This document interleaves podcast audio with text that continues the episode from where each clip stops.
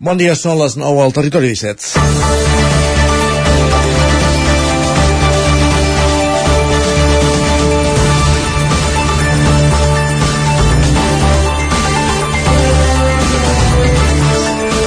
Argentina ha guanyat el Mundial de Futbol, un Mundial que començava amb els jugadors alemanys tapant-se la boca davant l'amenaça de ser sancionats si lluïen el braçal de l'art de Sant Martí i ha acabat amb Leo Messi alçant la copa tapat amb la túnica, el beix, que li va oferir l'emir de Qatar en el Dia Nacional del país, que justament era ahir.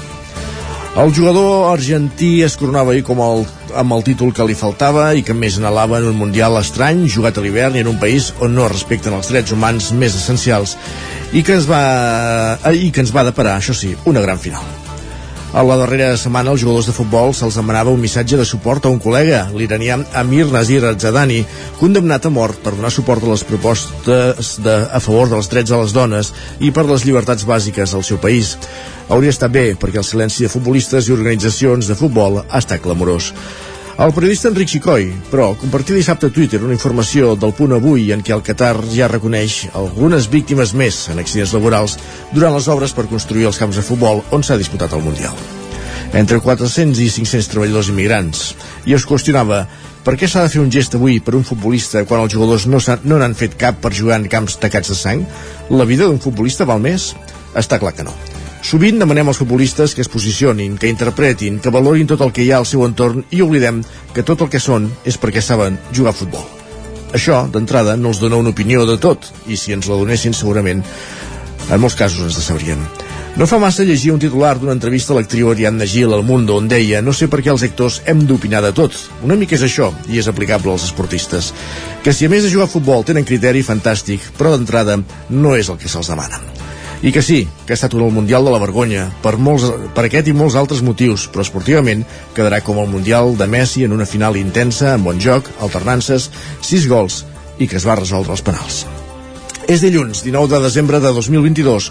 Comença la setmana del sorteig de la loteria de Nadal i que acabarà fent cagar el tió i amb els tradicionals àpats de Nadal. I comença també el territori 17 a la sintonia de la veu de Sant Joan, Ona Codinenca, Ràdio Cardedeu, Ràdio Vic, al 9 FM, i també ens podeu veure a través del nou TV, Twitch i YouTube. Territori 17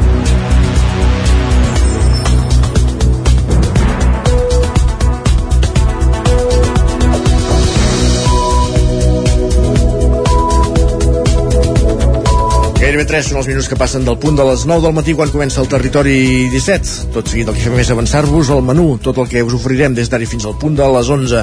Avui és dilluns i en aquesta primera mitja hora el que farem serà dedicar-nos a l'actualitat de les nostres comarques, les comarques del Vallès Oriental, l'Osona, el Ripollès i el Moianès en, en connexió amb les diferents emissores que fan possible dia a dia aquest programa. Farem un cop d'ull també a la previsió del temps amb en Pep Acosta des d'una Codinenca i anirem al quiosc per veure quines són les portades dels diaris d'avui, dilluns 19 de desembre de 2022. Després de fer una petita pausa, pujarem a l'R3 amb l'Isaac Montades, com cada dia, des de la veu de Sant Joan, recollint les cròniques dels oferts usuaris de la línia del tren, de la línia Barcelona-Vic-Puigcerdà, i a l'entrevista conversarem amb l'alcalde de Sant Joan de les Abadesses, Ramon Roquer, sobre l'actualitat d'aquest poble del Ripollès. Els solidaris, la Laura Serrat, des de Ràdio Vic, avui aprofundiran el finançament de les entitats que lluiten contra el càncer. Arribarem al punt de les 10 com cada dia amb música. A les 10 ens tornem a posar el dia amb l'actualitat de les nostres comarques, la previsió del temps i els esports. Serà moment de repassar com ha anat el cap de setmana esportivament parlant pels equips de les nostres comarques. I a la darrera mitja hora farem una capbussada a Twitter per conèixer quines són les pilades més destacades d'aquest cap de setmana, d'aquest diumenge marcat per la final del Mundial de Futbol i acabarem precisament fent tertúlia esportiva, analitzant com ha estat aquest Mundial i, i quina, és, quina, opini, quina opini, opinió li mereixen els vencedors als nostres tertulians. Tot això des d'ara fins al punt de les 11. Arrenquem, com dèiem, amb les notícies més destacades de les nostres comarques. Les obres de millora de la C-59 entre Sant Feliu de Codines i Mollà, i Mollà ja tenen data d'inici. Serà a principis d'aquest 2023. L'objectiu principal és millorar la seguretat d'aquesta carretera, que ha estat dos anys consecutius una de les vies amb més sinistralitat de Catalunya. Anem fins a una codinenca, que era el campàs. Les obres de millora de la C-59 entre Sant Feliu de Codines i Mollà començaran el primer trimestre de l'any que ve i tindran una durada d'11 mesos. Així ho ha explicat el conseller de Territori Juli Fernández en roda de premsa a Mollà aquest divendres.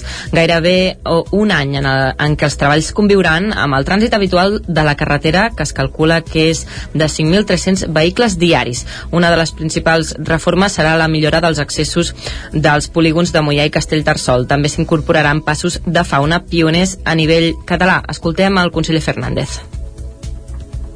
Intervencions eh, per garantir la seguretat eh, separant els eh, fluxes en un tram, fem ampliacions eh, vorals en altres eh, trams per tal de que eh, tinguem eh, una sensació de seguretat eh, millor. I a més a més millorem els accessos a polígons industrials per tal a, a Castellterçol amb una rotonda, a Mollà amb una incorporació en T la incorporació dels passos de fauna era precisament una demanda de la plataforma C59 Segura. Dos representants d'aquesta entitat van lliurar durant la roda de premsa de divendres al conseller l'auditoria ciutadana que recull els punts de millora a aquesta carretera, no només en el tram de Sant Feliu de Codines a, a Mollà, sinó a tota la via. Escoltem Xavier Bach, un dels representants de la plataforma. Doncs estem realment molt satisfets doncs, de, del nou projecte, sobretot perquè s'ha passat d'un milió i mig a més de 5 milions d'euros d'inversió.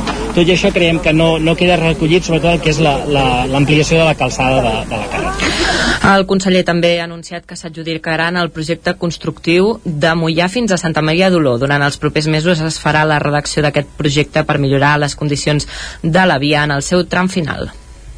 Gràcies, Caral. Més qüestions i, de fet, més consellers del de territori de Juli Fernández. Passem al de salut, perquè segons recullen des no, els nostres companys de Ràdio Televisió Cardedeu, el conseller de Salut confirma que l'ampliació de l'Hospital de Granollers s'obrirà al mes de gener. Pol Grau, Ràdio Televisió Cardedeu. El conseller de Salut, Manel Balcells, ha traslladat aquest divendres a l'alcaldessa de Granollers i president de la Fundació Privada Hospital de Granollers, Alba Bernocell, la voluntat d'explorar noves línies de governança de la institució. Balcells ho ha explicat en el marc de la visita que ha fet a l'ampliació del centre de l'Hospitalari, que ha anunciat que obrirà portes a finals del mes de gener. Balcells ha considerat que el nou edifici de l'hospital és un equipament que feia falta i que permetrà un punt d'inflexió a l'atenció sanitària a la ciutadania de Granollers i a la comarca, amb una ampliació que donarà resposta a les necessitats actuals, el nou edifici polivalent de l'hospital, de 14.742 metres quadrats, s'ha alçat contigu a les actuals urgències, en un solar cedit per l'Ajuntament, amb una inversió de 35 milions d'euros. La planta baixa acull l'ampliació i renovació de servei d'urgències i posa a disposició fins a 90 punts d'atenció. Incorpora també un nou TAC, un equip de radiologia convencional i un ecògraf. A la planta primera s'ha ubicat una nova unitat de cures intensives, estructurada amb 10 boxes individuals amb possibilitat de ser doblats, i una unitat polivalent de 30 llits, així com l'espai de reserva per a un futur bloc quirúrgic de fins a 14 quiròfans. Abans d'anar a l'Hospital de Granollers, Balcells també ha visitat el Centre de Salut de Granollers, aquest edifici que acull el COP Granollers a la planta baixa. Va estrenar fa pocs dies les consultes d'atenció sexual i reproductiva i obrirà la setmana vinent les consultes externes d'oftalmologia. Gràcies, Pol. Més qüestions. Anem cap al Ripollès. Sant Joan de les Abadesses inaugura el nou tanatori al costat del cementiri gestionat per l'empresa Àltima i que ha tingut un cost de 700.000 euros. Isaac Muntades, des de la veu de Sant Joan, ens amplia aquesta informació, com dèiem, de la inauguració del tanatori de Sant Joan de les Abadesses. Tal com estava previst, aquest dissabte al migdia es va inaugurar el nou tanatori de Sant Joan de les Abadeses, ubicat al barri de la Coromina del Bac, el qual prendrà el relleu a l'equipament temporal del carrer Manicosta que havia quedat obsolet. Els treballs de la nova instal·lació funerària van començar a l'inici de l'estiu i han tingut un cost de 700.000 euros, que han sufragat entre l'Ajuntament de Sant Joan i l'empresa Àltima. L'alcalde Ramon Roquer explicava que ara sí que es podien garantir un servei i un espai adequat. Ara disposarem d'un edifici, un edifici gran, amb espais amplis per poder atendre doncs, molt millor les famílies en un moment també molt, molt delicat. També penso que en un lloc més adequat, eh? perquè al costat de, del cementiri donarà façana en tot el parc del Ter i per tant un lloc realment agradable, molt verd, arbat, i per tant la és important i millora substancialment. Els espais molt més grans i amplis, dos espais, el de vella i l'oratori. Sí que l'oratori està preparat doncs, per quan coincideixin, en aquest cas, els difunts. El nou equipament, ubicat just al costat del cementiri, presenta una forma rectangular i té una superfície de 256 metres quadrats dins d'un solar que fa el triple. El tanatori s'ha fet a través d'una estructura prefabricada de formigó polit. L'entrada a l'edifici al cantó esquerre desemboca un vestíbul i al final del passadís hi ha l'accés a una sala multiconfessional. Aquesta sala té capacitat per 75 persones assegudes i més d'un centenar de dretes. A la sala hi ha un altar amb un faristol i està equipada per poder-hi projectar vídeos i fotografies i posar-hi música. De fons hi ha una gran vidriera i a darrere un pati. A la part esquerra de l'edifici hi ha un lavabo i la sala de vetlla per la família del difunt. La sala té un mobiliari càlid i s'aconsegueix un confort acústic gràcies a un tractament fonoabsorbent. També hi ha finestres transparents que permetran l'entrada de llum natural. Roquer va explicar que s'han hagut de fer moltes modificacions als terrenys per tirar endavant el projecte. Primer, doncs, modificar el planejament per poder doncs, construir aquest edifici de titularitat, doncs, en aquest cas, doncs, com a gestors del servei. També hem hagut de fer un, un pla eh, especial en aquell punt, doncs, també per fer la urbanització i també repartim a les diferents propietats, perquè partíem de, de que Àltima també tenia, doncs, en aquest cas, la propietat de la, de la nau industrial, l'Ajuntament teníem la propietat de la parcel·la on, on ara mateix s'ha fet aquest edifici, per tant hem hagut de fer un projecte de reparcel·lació per redistribuir a les propietats, per poder fer la urbanització compartida. Responent a la preocupació d'Esquerra Republicana que el cost del servei augmenti perquè l'edifici tindrà una gestió privada, Roquer va assegurar que no serà així. A l'acte també hi va assistir el conseller delegat d'Àltima Jordi Vinyes i el seu gerent al Ripollès, Juan Catalán. Així mateix, amb motiu de la posada en marxa del tanatori i prèviament a l'inici de l'acte inaugural, el mossèn de Sant Joan de les Abadeses, Felicien Embonigava, va fer la benedicció del centre. Més qüestions, gràcies. Isaac, el percentatge de positius per alcoholèmia a la carretera repunta a Osona. Els Mossos d'Esquadra analitzen si es tracta d'una tendència o la reacció a uns anys de restriccions. Sergi Vives. Si no veus, no condueixis. Ho verbalitzava a través de la ràdio i la, televisió, i la televisió l'any 1985 una de les estrelles musicals del moment, Stevie Wonder, mentre de fons se sentia el seu tema Don't Drift Drunk. L'eslògan publicitari simple, directe i fins i tot un punt obvi continua totalment en vigor gairebé 40 anys després.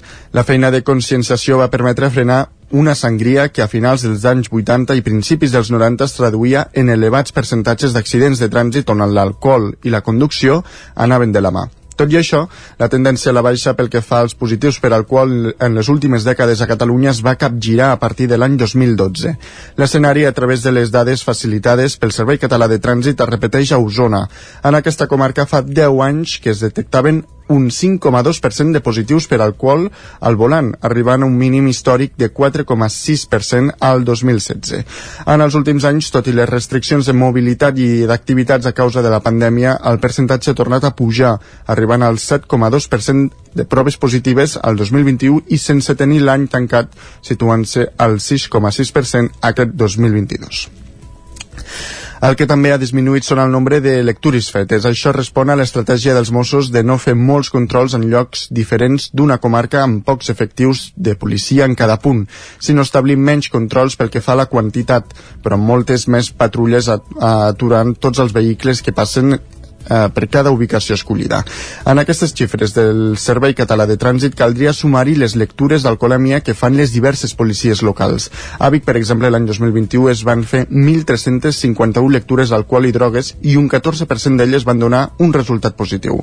Precisament la setmana passada els Mossos van iniciar l'operació Grèvol, el programa operatiu específic de seguretat ciutadana que s'activa per les festes nadalenques. En l'àmbit de trànsit, la part més visible són els punts de control que per aquestes dates s'adapten a dues variables. D'una banda, se situen en localitzacions properes a llocs on es pot donar la combinació d'alcohol i conducció i de l'alta, en fan en hores posteriors als àpats principals. Segons explica el 9-9, el cap de l'àrea regional de trànsit de la regió policial central dels Mossos d'Esquadra, l'inspector Francesc Parra.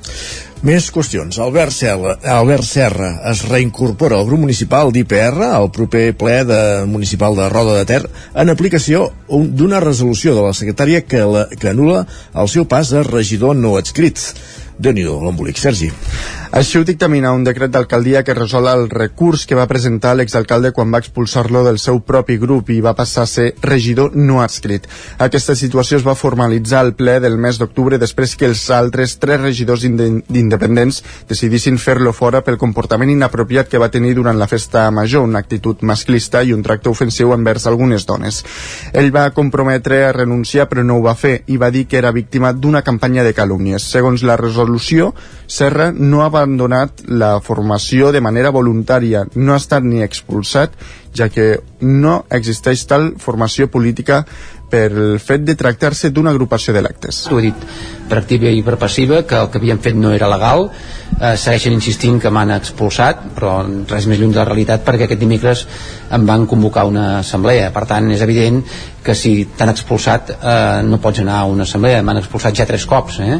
per tant eh, cal respectar la legalitat i cal respectar la democràcia. És un, una agrupació d'electors, però no tan sols una agrupació d'electors, això mateix va succeir també amb un partit polític eh, aquesta legislatura. És el meu objectiu, acabar el mandat doncs, amb, com a regidor tal qual com vaig presentar com a regidor d'Iperra encara que diguin el contrari i en qualsevol cas doncs, a les pròximes eleccions ja veurem i així ho vaig manifestar amb quin vehicle eh, em presento. Hi ha molta gent que em dona suport, el suport social hi és eh, perquè vam guanyar les eleccions per molt i els agrada o no els agrada eh, el cap de llista té un pes molt important en les eleccions i el representant legal de, de l'agrupació d'electors també n'era això des d'Independents pel Progrés de Roda, qui ha assumit la funció de portaveu les darreres setmanes és Yolanda Tristancho, que ja va anunciar que seria la cap de llista a les eleccions del maig.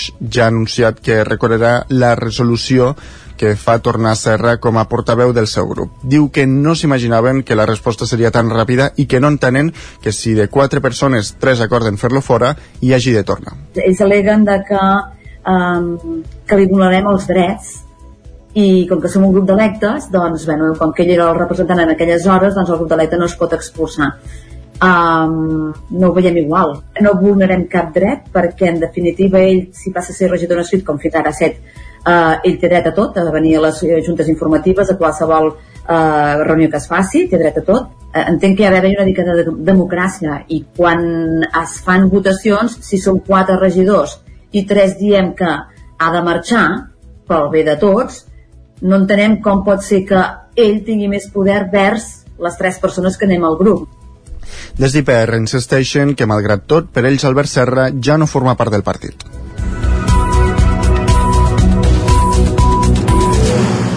Així acabem aquest bloc informatiu que començava amb el punt de les 9 en companyia de Sergi Vives, que era el Campàs, Isaac Muntades i Pol Grau. Un moment al territori 17, d'afegir un altre nom al nostre equip, el d'en Pep Acosta.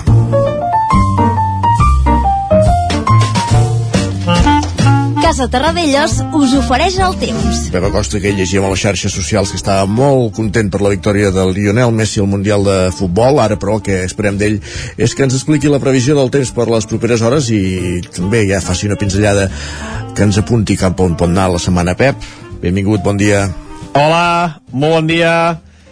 Ja estem aquí, eh, dilluns per fi, novament, eh, últims dies de la tardor, aviat comença a l'hivern 2022 eh, 2023 eh, penúltima setmana d'aquest any 2022 eh, estem ja de ple la setmana de Nadal.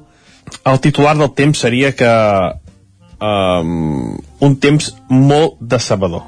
Mm, ja ho anirem parlant durant aquesta setmana però sí, sí, serà un temps eh, molt, molt eh, com ho diria, molt que no compleix les expectatives. Uh, molt dolent, un temps molt dolent el que tindrem aquesta setmana. Però bueno, anem a pams. Anem a pams perquè hem tingut un cap de setmana eh, amb una mica de precipitacions dissabte, eh, bastant fred, però ahir ja van començar a pujar les temperatures, hi ha molta més suavitat, molt més sol i una situació que no ens agrada, que no ens agrada perquè no és la que toca eh, per aquestes dates. I a més la sequera eh, no la solucionem. Mm, no, no hi ha manera de que plogui d'una manera abundant a tot el nostre país. I no es veu per enlloc eh? ja, veu, ja aviso que no es veu per enlloc una situació així.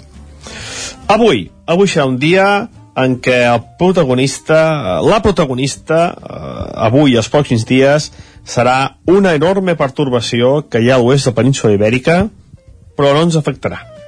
I lluny d'afectar-nos, el que farà el que farà és que ens enviarà eh, vents de sud, eh, vents de sud que han sigut els protagonistes, van ser els protagonistes durant tot l'estiu i van ser que les temperatures de l'estiu siguessin altíssimes.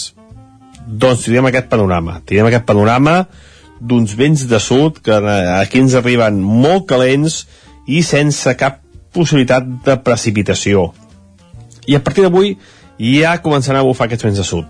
Les mínimes d'avui ja no han baixat gaires, gaire, molt poques glaçades, només alta muntanya i a les valls, que ja hi ha fred retingut, i eh, la majoria mínimes a part sobre fins i tot dels 5 graus, una situació que no és la que volem ni molt menys. Eh? Aquestes dates hauria de glaçar i tot. Eh, no, no, no hi ha manera, no glaça, eh, hi ha molts jocs que encara no ha glaçat durant tot, eh, tot l'hivern, eh, molt, molt, molt males notícies. Aquesta setmana no glaçarà quasi bé en lloc. Doncs això, comença a bufar aquest vent de sud i avui les temperatures seran un o dos graus més altes que les d'ahir. Eh, tindrem ja bastants valors de 15-16 graus de màxima i ens hi vam anar, ens hi anar acostumant perquè aquesta setmana seran molt habitual, molt habituals aquestes temperatures fins i tot bastant més altes d'aquests 15-16 graus. Però avui no, eh? Avui 15-16 graus, el cel bastant variable, eh, no farà molta molt de sol, tampoc hi haurà molta, molta nubositat, per tant, un cel bastant, bastant variable, però cap, cap, cap possibilitat de precipitació i eh, aquests vents de sud, com deia, que seran una mica destacables sobretot a la muntanya. Al Pirineu i també al prelitoral els vents bufaran moderats i cada vegada durant la setmana aniran bufant més i més forts. Eh, superaran els 50-60 km per hora. Per tant, una, una situació anòmala, una situació que no ens agrada gens per tota aquesta setmana. I això és tot. El dia d'avui i anirem pam a pam, anirem informant quin dia arriba l'hivern, aquestes temperatures eh, com aniran pujant i com l'aigua no arriba de cap manera. Moltes gràcies, adeu. Gràcies, Pep. Parlem d'aquí una estona, ja ho sabeu, la setmana en la que entrarem a l'hivern astronòmic. Moltes vegades ens ha dit en Pep que per ell l'hivern ja comença força abans, a principis de desembre, tot i que per les temperatures d'aquesta setmana que ens aventurava, doncs, poc hivern, Maria. Anem cap al quios, va. Casa Tarradellas us ha ofert aquest espai. Anem cap al quios perquè és moment de saber, Sergi, de veure quines són les portades que apareixen avui als diaris i, com que és dilluns, comencem primer de tot per les portades del 9-9. Així és, comencem per la portada del 9-9 d'Osona al Ripollès una, que encapçala una notícia que us acabem d'explicar. Els positius per alcoholèmia han augmentat els últims 5 anys a Osona. I després aquí amb una fotografia veiem a la família Sapurko, que diu que a Ucraïna ja no ens queda res. De fet, és una família que els seus plans de futur passen per establir-se aquí a Catalunya. De fet, estan, és una família de refugiats que van arribar al mes d'abril a Vic i és on estan instal·lats. Més qüestions. Doncs anem cap al 9-9 del Vallès Oriental. Diu, eh, encapçala la portada de la notícia que Renfe adjudica la reforma de l'estació de Llinars a la línia R2 per 3,5 milions. I després també expliquen que Salut vol manar més a l'Hospital de Granollers. De fet, ho deia el conseller de Salut, Manel Balcells, que creu que cal obrir una reflexió sobre la governança del centre sanitari. I aquí, de fet, veiem una fotografia eh, del conseller visitant aquest centre. Anem cap a les portades que s'editen a Barcelona. Imaginem que hipotecades totes per Leo Messi, eh? Així és, tant a Barcelona com a Madrid. Molt bé.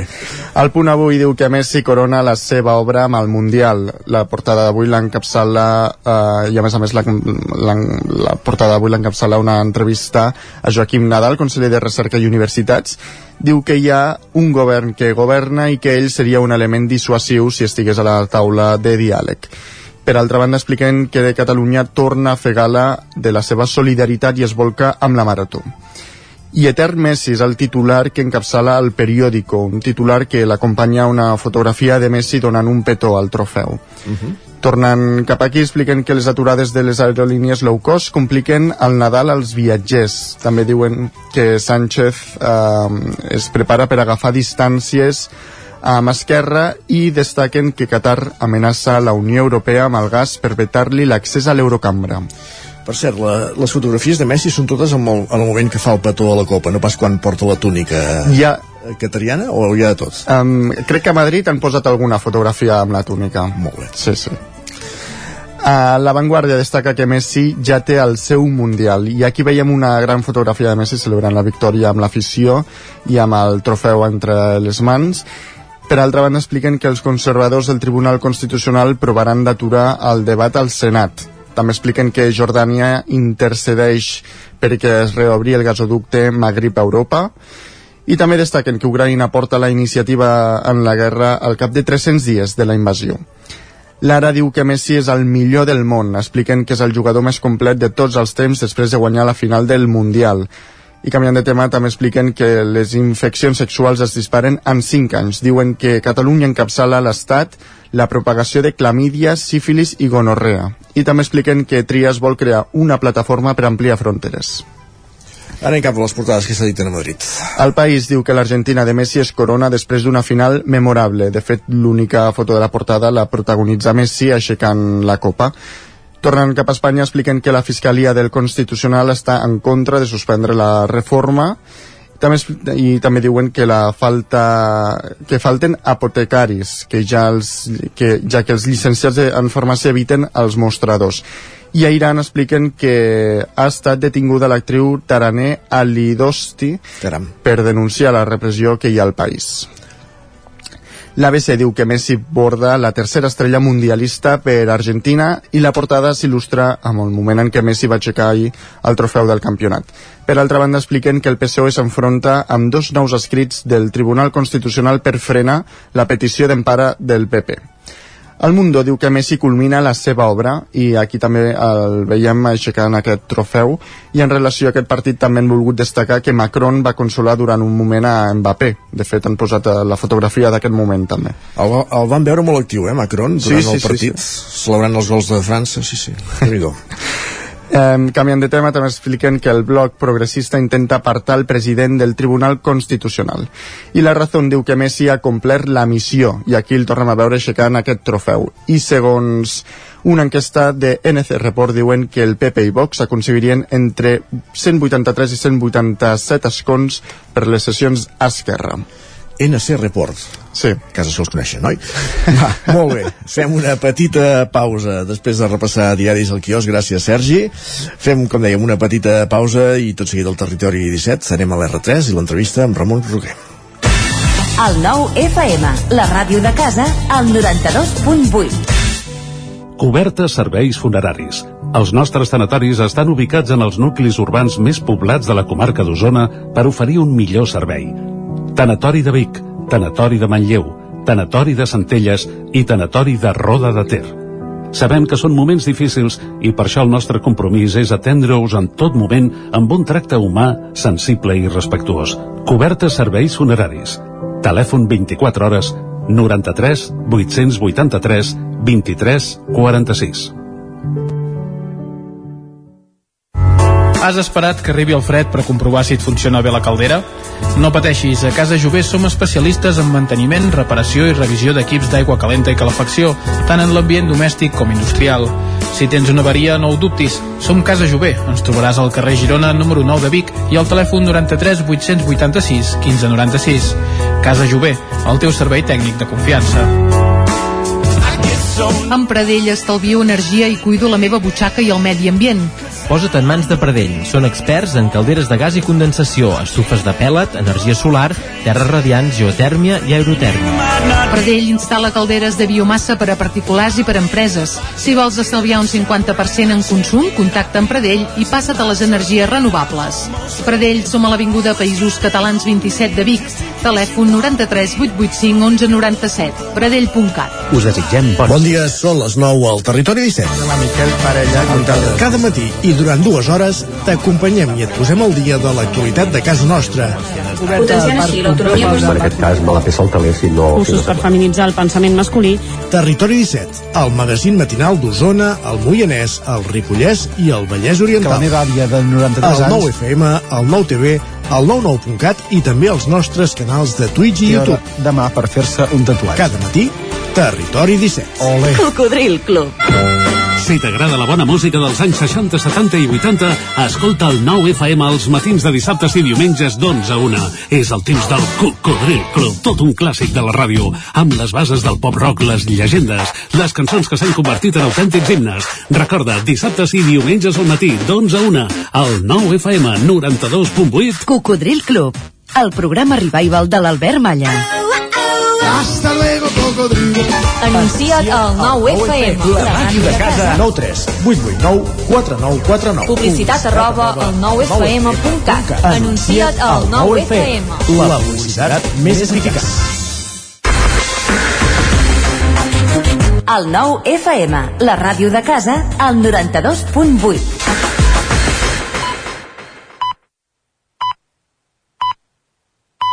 Territori 17.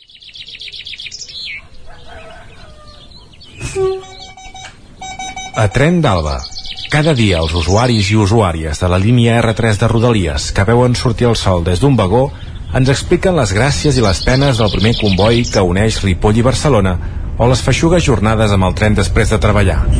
Benvinguts a Tren d'Alba. Doncs una bona notícia perquè Renfe ha comprat 97 trens per als serveis de Rodalies de Catalunya dins del marc del Pla Transformem Rodalies, que suposa la compra més gran de material rodant ferroviari de la història de Renfe a Catalunya amb una inversió de 858 milions d'euros. Està previst que Alstom construeixi a Santa Perpètua de Mogoda 49 trens de 100 metres per 367 milions d'euros. Stadler proveirà el servei de Rodalies de Catalunya amb 20 trens de 200 metres amb una inversió de 307 milions i per la seva part la CAF fabricarà 28 trens de mitja distància que es destinaran als serveis regionals de Rodalies de Catalunya i una inversió de 183 milions d'euros. El pla de Rodalies contempla la compra de 101 nous trens, com els dàlmates, dels quals 97 són els que s'han firmat avui i els quatre restants es compraran els primers mesos del 2023. D'aquests 101 trens nous, 56 substituiran el material de més antiguitat i els altres 45 permetran incrementar el parc a Catalunya per atendre la nova demanda prevista. Els nous trens per a la Rodalia de Barcelona tindran una capacitat d'almenys 900 places cadascun d'ells, un 20% més que els actuals Cívia. A més, minimitzaran el temps de baixada i pujada de viatgers mitjançant un disseny avançat amb un mínim de 10 portes i amplis vestíbuls. Pel que fa als 28 trens que CAF construirà pels serveis regionals, comptaran amb tots els elements de confort per cobrir desplaçaments de més de 60 minuts. A Catalunya aquests trens són utilitzats per prop de 10 milions de viatgers anuals. Així mateix, tots ells seran totalment accessibles per facilitar el viatge de persones amb mobilitat reduïda i disposaran de connexió wifi i zones per a bicicletes i cotxets infantils. Pinta molt bé, ara esperem que es compleixi. I després de tot aquest rotllo, us deixo ja amb la crònica d'en Jordi Valls, que avui m'ha llegit la ment. Bon dia, sóc en Jordi de Centelles. Avui hem arribat un minutet tard. Bé, molt bé, molt bé, ràpid, llarg, es nota que va baixant una miqueta la gent, no sé si per l'efecte Nadal o l'efecte R2 ja us funciona el tren, si us plau no vingueu, que som molta gent. Bé, bé, bé, correcte, molt correcte. Coses curioses, notícies. L'Estat anuncia que comprarà la tira de trens per al servei de rodalies i regionals de Catalunya. És molt curiós, eh? Perquè la Generalitat i Renfe han de signar un conveni que no es posen d'acord, l'Estat tira pel dret i compra trens per Catalunya. La veritat és que és una miqueta el que diu la competència de rac eh? La Generalitat de Catalunya cada cop sembla més a la gestoria Casanovas de Manresa. Eh, la competència de rac és un programa de ràdio que escolto sovint. I sí, sí, sembla que han passat de la cara i han tirat pel dret i han comprat trens. Els usuaris i usuàries contents. Però al final Rodalies què és? Una pàgina web, uns horaris, uns colors de color taronja? O, o què pinta Rodalies? Eh? Cada vegada eh? sembla que anem posant més capes i cada vegada més poc útils, per dir-ho d'alguna manera. No sé, per pensar-s'ho. Apa, que vagi bé la setmana. Adéu-siau. Doncs sí, en aquest cas s'ha de dir que han d'estar contents els usuaris perquè almenys disposaran de més trens i això significa que no semblaran llaunes de sardines en els seus viatges. Va, ens retrobem demà amb més històries del tren i de l'R3. Territori 17, el 9 FM, la veu de Sant Joan, Ona Codinenca, Ràdio Cardedeu, Territori 17. 3 minuts i mig que passen de dos quarts de 10 del matí.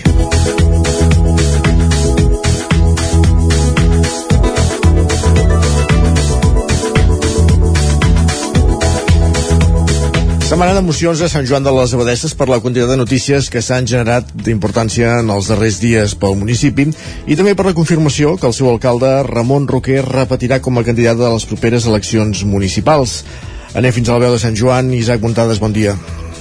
Bon dia. Sí, i avui per parlar-ne a l'estudi de la veu de Sant Joan tenim en Ramon Roquer, l'alcalde de Sant Joan de les Abadeses, que ens donarà tots els detalls que pugui explicar de la seva candidatura i també de l'actualitat més immediata de, del municipi que aquests dies ha estat molt, molt intensa. Bon dia Ramon i moltes gràcies per ser avui amb, amb nosaltres. Bon dia, gràcies a vosaltres per invitar-me. Uh, per començar, optarà un cinquè mandat a l'Ajuntament, que serien 20 anys en el càrrec en el cas de guanyar i 4 més a, a l'oposició, també hem, hem de dir. Ja no només seria l'alcalde més longeu de la comarca, sinó que també seria un dels regidors amb més experiència. Per què ha pres la decisió de tornar-se a presentar? Bé, la veritat és que la situació personal m'ho permet en aquests moments i després és veritat, de, de 16 anys eh, segueixo doncs encara amb tota l'activitat la, eh, amb, amb, amb les idees fresques, amb un munt de projectes sobre la taula, amb un dia a dia realment eh, molt ple d'activitat pensant encara doncs, en anar sentant aquestes bases per un poble millor i per un futur millor pels Sant Joan i Sant Joanines i per tant difícil no? amb, amb, amb tots aquests eh, condicionants prendre la decisió de, de retirar-se. En tot cas, bé, al maig hi haurà, hi haurà eleccions i seran els veïns i veïnes qui prendran la decisió de qui creuen no? que pot seguir en millors condicions els propers anys i per tant finalment seran els veïns i veïnes de Sant Joan de les Abadeses qui prendran aquesta decisió uh -huh. A les darreres eleccions es va presentar sota les sigles de, de més no sé si ja té clar sota quines sigles ho farà aquesta vegada Bé, la veritat és que n'hem parlat ben poc perquè hem intentat ja les dues últimes candidatures ser una llista molt transversal de persones que en un cert moment eh, de la seva vida, tant personal com professional, poden dedicar més temps al consistori.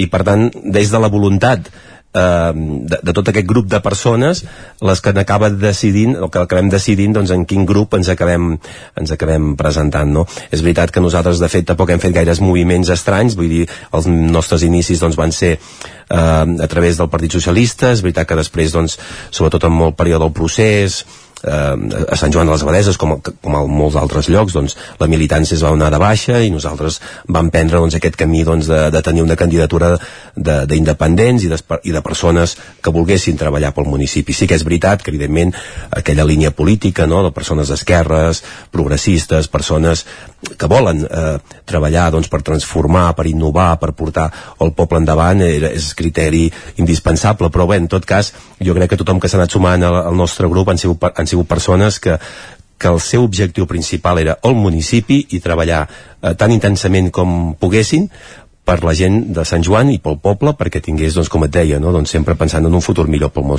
poble. -huh. I els pròxims tres uh, mesos, uh, parlant una mica del futur del poble, hi haurà tres projectes importants per Sant Joan de, de les Abadeses, que veuran la llum també. Eh, és important seguir l'alcaldia per rematar-los, no? I de quins projectes estem parlant, perquè hi haurà novetats uh, ben aviat. Bueno, de fet, aquest cap de setmana mateix no? hem pogut inaugurar un, um, un tanatori que llargament reivindicat i que finalment, eh, després de també tot un procés urbanístic, de modificació de planejament, d'un projecte de reparcel·lació d'urbanització, hem aconseguit ubicar en un lloc estratègic, un bon lloc, aquest tanatori, eh, i finalment doncs, ha vist ja finalment la llum. No? Però bueno, eh, sí que és veritat que els propers mesos vindran projectes importants, com sobretot és la posada en funcionament de, de la futura biblioteca, és veritat que també serà una primera fase, esperem que no massa enllà puguin venir altres fases que acabin convertint aquesta biblioteca en, ja sí, eh, la, la biblioteca que Sant Joan necessita i que més es mereix i, i ha de tenir, amb aquesta biblioteca doncs, amb uns 900 metres quadrats que li permetin tenir tots aquells serveis mm, de biblioteca, però també um, de, culturals i, i altres no, que, que, que pugui tenir, que tenen avui en dia les biblioteques, i també en pocs mesos veurem doncs, també com es posa en servei el futur eh, equipament turístic, que serà un,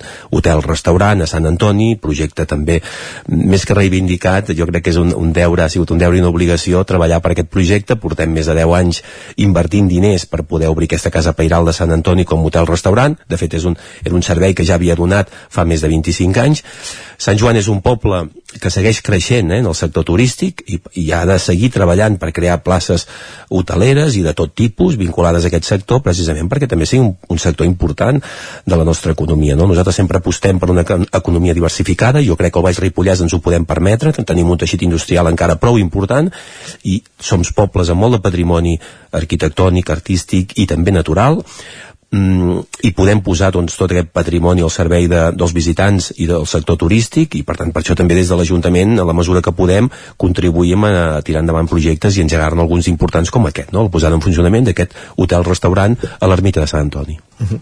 Aquesta setmana passada també el vam veure al Parlament on es feia la Comissió d'Educació eh, per instar el govern a començar la segona fase de l'Institut d'Escola Mestre Andreu. Com ho valora i confia que es faci i en quins terminis? Bé, la veritat és que és un tema també que últimament ja estem dedicant temps, hores, reunions, contactes polítics eh, per desencallar-lo, bàsicament. Eh? Nosaltres veníem treballant amb el Departament d'Educació, eh, sobretot amb l'anterior govern, eh, ja no només en aquest d'Esquerra Republicana, doncs per fer aquest trasllat de primer la secundària, després de l'infantil la primària, a l'economia del BAC, amb un nou edifici, un nou centre, on s'ho pogués ubicar doncs, eh, aquest Institut d'Escola Mestre Andreu de línia educativa de 3 a 16. Bé, en aquests moments, i de fet ara ja fa dos o tres anys que estem una mica estancats, vam ser capaços de traslladar la secundària i, i, que, i queda pendent doncs, l'infantil la primària. Bé, en aquests moments el departament eh, diguem que s'excusa, si és aquesta la paraula adequada, no? en què és veritat que estan, estan immersos doncs, en treure molt, molts barracons del país, amb projectes urgents, sobretot per un temes d'escolarització, fa, i, i, i per tant que fa doncs, que el nostre projecte no acabi de tirar endavant. No? De fet, nosaltres, a través d'una proposta de resolució presentada per diferents grups parlamentaris, eh, i com bé apuntàveu, no? que va passar finalment doncs, aquesta setmana pel Parlament, eh, tots els partits van votar-hi favorablement, excepte doncs, el grup d'Esquerra Republicana, que es va abstenir, per tant, ni molt menys, eh, va ser un vot negatiu, però sí que en tot cas una abstenció en la línia de dir sabem no, que, que el departament ha d'acabar aquest projecte, que és un projecte que està començat però no està acabat, però en tot cas no som capaços de posar-li encara termini. De fet, eh, el grup d'Esquerra Republicana va apuntar de que en els propers dos anys segurament se li podria, es podria tirar endavant, en tot cas, com que no va concretar, Eh, eh, va decidir abstenir-se i la resta de partits evidentment que coneixen el projecte i, i porten molt de temps reclamant-lo i també doncs, prioritzant-lo doncs, en els seus, diguem també en, els, en les seves planificacions d'inversions doncs, van votar-hi favorablement, de fet he de recordar que precisament l'any passat quan hi va haver l'acord de pressupostos entre en Comú Podem i el grup d'Esquerra Republicana eh, el nostre projecte estava en aquell acord. Esquerra Republicana no, no el va complir. Eh, continua dient que pensa complir-lo, però que no, no posa termini en complir-lo. Bé, per tant, sí que és veritat que és un projecte que eh, ens porta un cert desgast, eh, és un projecte que ens té certament incòmodes a tots, eh, jo reclamo també al grup d'Esquerra Republicana a nivell local i comarcal que mm, lluiti també aquest projecte, que el prioritzi, que reclami a Esquerra Republicana Nacional i sobretot al Departament d'Ensenyament de, que acabi el projecte d'una vegada, perquè a la pràctica jo dic és un projecte molt important, que encara tardarem anys a, a, veure'l no? i que sigui una realitat, i per tant com abans comenci millor. És, és igual que hi hagin eleccions al maig, és igual que acabi governant, tots hem de remar en, aquest, en el mateix sentit per aconseguir aquest projecte. Per tant, com abans ens hi posem, molt millor, no? Bé, jo, jo vull confiar que, que el departament acabarà en algun moment, eh, no tardar massa, doncs prioritzant aquest projecte i que el veurem tirar endavant. No? Estem tots realment molt immersos en aquest projecte i per nosaltres és un dels més importants. L'educació a Sant Joan de les Abadeses, l'aposta per l'Institut d'Escola Mestre Andreu és total des de la comunitat educativa, la direcció i claustre, des de l'AFA i des de l'Ajuntament. Jo crec que anem tots, tots de la mà, anem tots a una i per tant doncs, ens, toca, ens toca demanar i reclamar en aquest cas doncs, el, el, Esquerra Republicana que, que avui doncs, li correspon governar el nostre país i també el departament que sisplau ja eh, el tiri endavant, no? li posi calendari i el tiri endavant.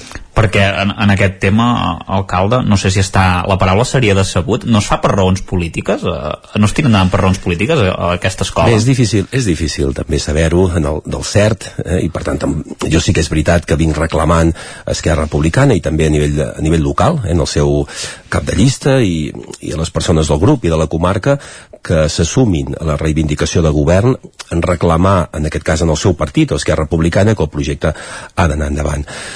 Sí que és veritat que a la vegada Esquerra Republicana demana consens també en aquest projecte, com és normal amb tots, eh? tots voldríem que hi hagués sempre el màxim consens, però en tot cas eh, jo el que dic és que eh, el projecte fa anys que es va treballar i es va pactar amb el departament, la resta, doncs, eh, diguem nous interlocutors que poden haver anat arribant també en el govern i el departament han d'anar seguint eh, aquell camí que ja es va traçar i fixar i tampoc ens correspon, a mi em sembla, i molt menys eh, clar, interessos altres i diversos i si alguns d'ells són polítics doncs interfereixen en aquest projecte. Jo per mi és, és massa important no ens, ho, no ens ho hauríem de permetre i per tant jo sí que reclamo obertament al grup d'Esquerra Republicana de Sant Joan les Abadeses que s'assumi a l'equip de govern per reivindicar com ho fem nosaltres eh? a nivell de, de Parlament també que, que és una bona eina també per arribar al govern a través del Departament d'Ensenyament de, perquè el projecte no es demori més es, es prioritzi i tiri endavant de fet l'any passat amb l'acord de govern entre,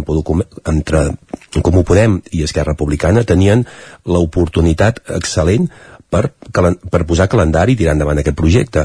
El fet de que passés l'any i no complissin, jo crec que eh, van deixar una, en una mala posició Esquerra Republicana i per tant quan els hi diem ens esteu eh, fallant en algun sentit o, ens esteu, o no esteu prioritzant un projecte que ja era prioritari, que ja estava en calendari, doncs eh, bé poques excuses tenen, no? En tot cas, bé, eh, ells continuen dient que en els propers anys eh, sí que ja tiraran endavant, i en això estem, eh? la veritat és que sí que és una mica decepcionant perquè pensem que altres projectes per interessos diversos han passat al davant i per tant no es pot entendre això des de Sant Joan les Abadeses i com et deia des de la comunitat educativa no es pot entendre però bé, i seguirem, i seguirem treballant intentant que no se'ns hi barregi massa la política sobretot siguin pràctics tinguin clares les idees i seguint treballant també al costat d'Esquerra Republicana, al costat del departament, perquè el projecte tiri endavant d'una vegada per totes.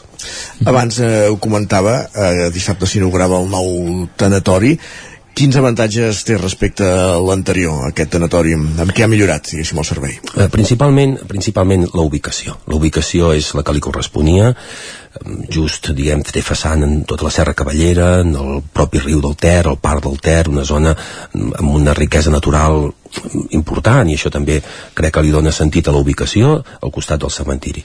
Um, en una primera fase s'ha construït un, un edifici compacte amb moltes obertures, amb una entrada de llum important perquè sigui, sigui ben clar, però és veritat doncs, que només s'ha habilitat una sala oratori i una sala de vetlla sí que en el projecte contempla una segona sala de vella, però aquesta eh, ja es va decidir que es faria més endavant, també perquè aquests dos últims anys o aquest últim any en què s'ha estat construint també hem tingut aquest increment de preus i per tant calia, calia assegurar-nos la viabilitat econòmica de fer el tanatori i sí que és veritat doncs, que hem deixat una, una petita part per més endavant.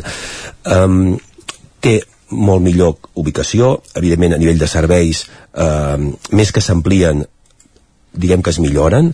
Tenim ara sí una sala una sala per fer doncs, tot tipus de cerimònies, una sala multiconfessional i una sala de vella realment molt, molt adaptada per espai, no només pel difunt sinó també per la família i per tant de fet, de fet ja s'ha posat en funcionament i, i, i bé, les persones doncs, que l'han ocupat, les famílies és el primer que t'han traslladat no? realment estem més còmodes, és un lloc més agradable però jo penso que els objectius eh, s'han anat complint i es aniran complint amb, aquest nou, amb aquesta nova ubicació i com et deia, eh, tenim encara doncs, la possibilitat d'anar-lo millorant, d'anar-lo ampliant sempre que també puguin arribar doncs, a venir altres, en aquest cas doncs, altres difunts d'altres municipis de l'entorn de Sant Joan les Abadeses i es, i es vagi convertint en un, en un equipament de referència mm -hmm i també s'hi va incrementant doncs, els serveis, és possible doncs, que en un futur proper no gaire llunyà doncs, es vagi ampliant en aquest lloc que ja, com et deia, és l'adequat i és el que jo crec que, que valia la pena no trobar. Per acabar, alcalde, en l'últim ple també es va parlar de, de l'eix cívic o, o carril bici per, per entendre'ns tots una mica, que travessa el carrer Ramon Dur per anar fins a l'escola de la Coromina del BAC. El grup d'Esquerra Republicana diu que no, no s'han escoltat els veïns que van entregar més de 900 signatures al consistori, això és el, textualment el que van dir més o menys al ple, no sé què hi ha de dir en, en aquest cas. Bé, en aquest sentit, he de dir que ens preocupa moltíssim que, que també la ciutadania en general i els veïns més propers afectats, si podem dir d'alguna forma afectats, no? però en tot cas que, els hi passa el carril bici a prop el fet de que es digui que no s'ha parlat prou fa que nosaltres eh, haguem hagut de, de reflexionar-hi i, i també pensar que en un futur hem de seguir parlant molt més d'aquest tipus de projectes més, parlem d'eix cívic però en el fons el que parlem és doncs, de que se vagi imposant també un model de mobilitat diferent ja no sé si més sostenible però en tot cas molt més, molt més sentit comú. I per tant nosaltres el que preveiem també és, és engegar tot un procés de participació mm, tranquil, més obert en tota la ciutadania, en què puguem parlar de, del paper de la bicicleta en els municipis, el paper del cotxe en els municipis, és a dir, aquell poble que també volem, la necessitat o no de peatonalització d'alguns carrers perquè siguin més segurs, més, més agradables, que puguem parlar també de la contaminació de l'aire. Sí que és veritat que algú pot dir, i a Sant Joan de les Abadeses hem de parlar d'això? Home, jo penso que sí. De fet, nosaltres estem treballant um, intensament amb tots els objectius de desenvolupament sostenible de, en totes les àrees i la part de mobilitat és és un dels objectius importants que també volem complir i volem que Sant Joan faci un pas endavant i sigui un poble punter i model i respecte a aquest tema. Jo penso que podem fer-ho i podem complir i no necessàriament eh, hem d'afectar els nostres veïns i veïnes, tot el contrari, la voluntat d'aquest projecte era millorar la qualitat urbana i la qualitat de vida de les persones. Per tant, si nosaltres no vam ser capaços, amb les eh, xerrades, conferències que hi van haver prèvies eh, a la implantació del carril bici, intentarem eh, fer-ho a partir d'ara abans de fer doncs, altres actuacions d'infraestructura i d'obra i de millora urbana no? però bé, per tant, en tot cas jo, jo crec que no ens hem de quedar amb la mala sensació de de que va generar problemàtica o problemes, sinó de dir, ja hem de seguir treballant, hem de reconduir aquella situació, hem de fer que la ciutadania s'hi sumi i que ho vegi bé. I aquest és una mica el repte que nosaltres hem d'emprendre de, ara i que haurà d'emprendre qui segueixi a partir del maig. Doncs ho anirem seguint. Ramon Roquer, alcalde de Sant Joan de les Abadesses, moltíssimes gràcies per ser avui al Territori 17. A vosaltres, gràcies per invitar-me. Gràcies, Isaac, també per acompanyar-nos un dia més. Fins ara. A vosaltres, merci. Fins ara.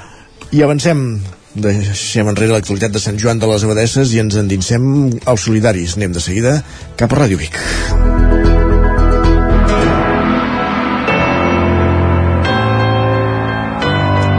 Territori, Territori 17. 17. Territori 17.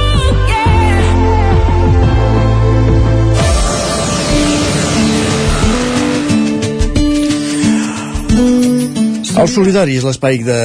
que cada setmana ens acosten des de Ràdio Vic per conèixer la realitat de les entitats que treballen pels altres, pels més desfavorits, pel tercer sector, per les persones que pateixen i ja sabeu que en les darreres setmanes ho estem dedicant a les entitats que treballen per les persones o per les famílies, per les persones malaltes de càncer o per les seves famílies i en aquesta sèrie avui toca parlar de finançament. Sense més preàmbuls, anem cap a Ràdio Vic, allà ens espera una setmana més la Laura Serrat. Benvinguda, Laura, bon dia. En programes anteriors descobríem les dificultats econòmiques i els desitjos per un futur ideal d'algunes de les principals entitats centrades en l'atenció a persones discapacitades. Avui, des de Ràdio Vic i a través de l'antena del Territori 17, és el torn d'analitzar la situació financera d'una altra àrea de serveis, les entitats que vetllen pels pacients malalts de càncer – ens posem en contacte amb la Fundació Amic Joan Petit, un Covellès i Osona contra el càncer una vegada més per aprofundir en qüestions com el voluntariat, els donatius o les dificultats administratives. Els responsables comencen fent-nos 5 cèntims sobre el funcionament financer de la seva àrea d'actuació. Parlem amb en Joan Torner, fundador i president de la Fundació Amic Joan Petit Nens amb Càncer, qui ens explica tots els detalls sobre el mecanisme de l'entitat.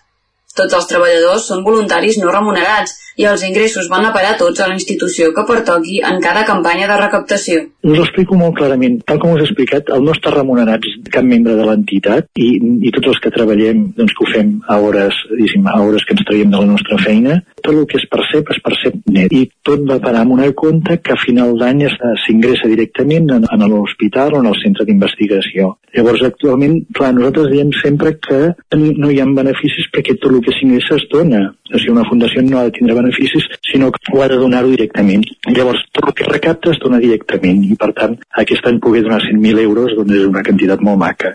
Carme Grau, responsable de salut d'un Covellès, també recalca el paper vertebrador de tots aquells voluntaris que col·laboren a l'entitat, Grau explica que a nivell econòmic la Fundació es troba en una situació força sana, sobretot gràcies als ingressos a través de projectes de recaptació recents i l'ajuda de tothom assegura que cap granet de sorra és petit.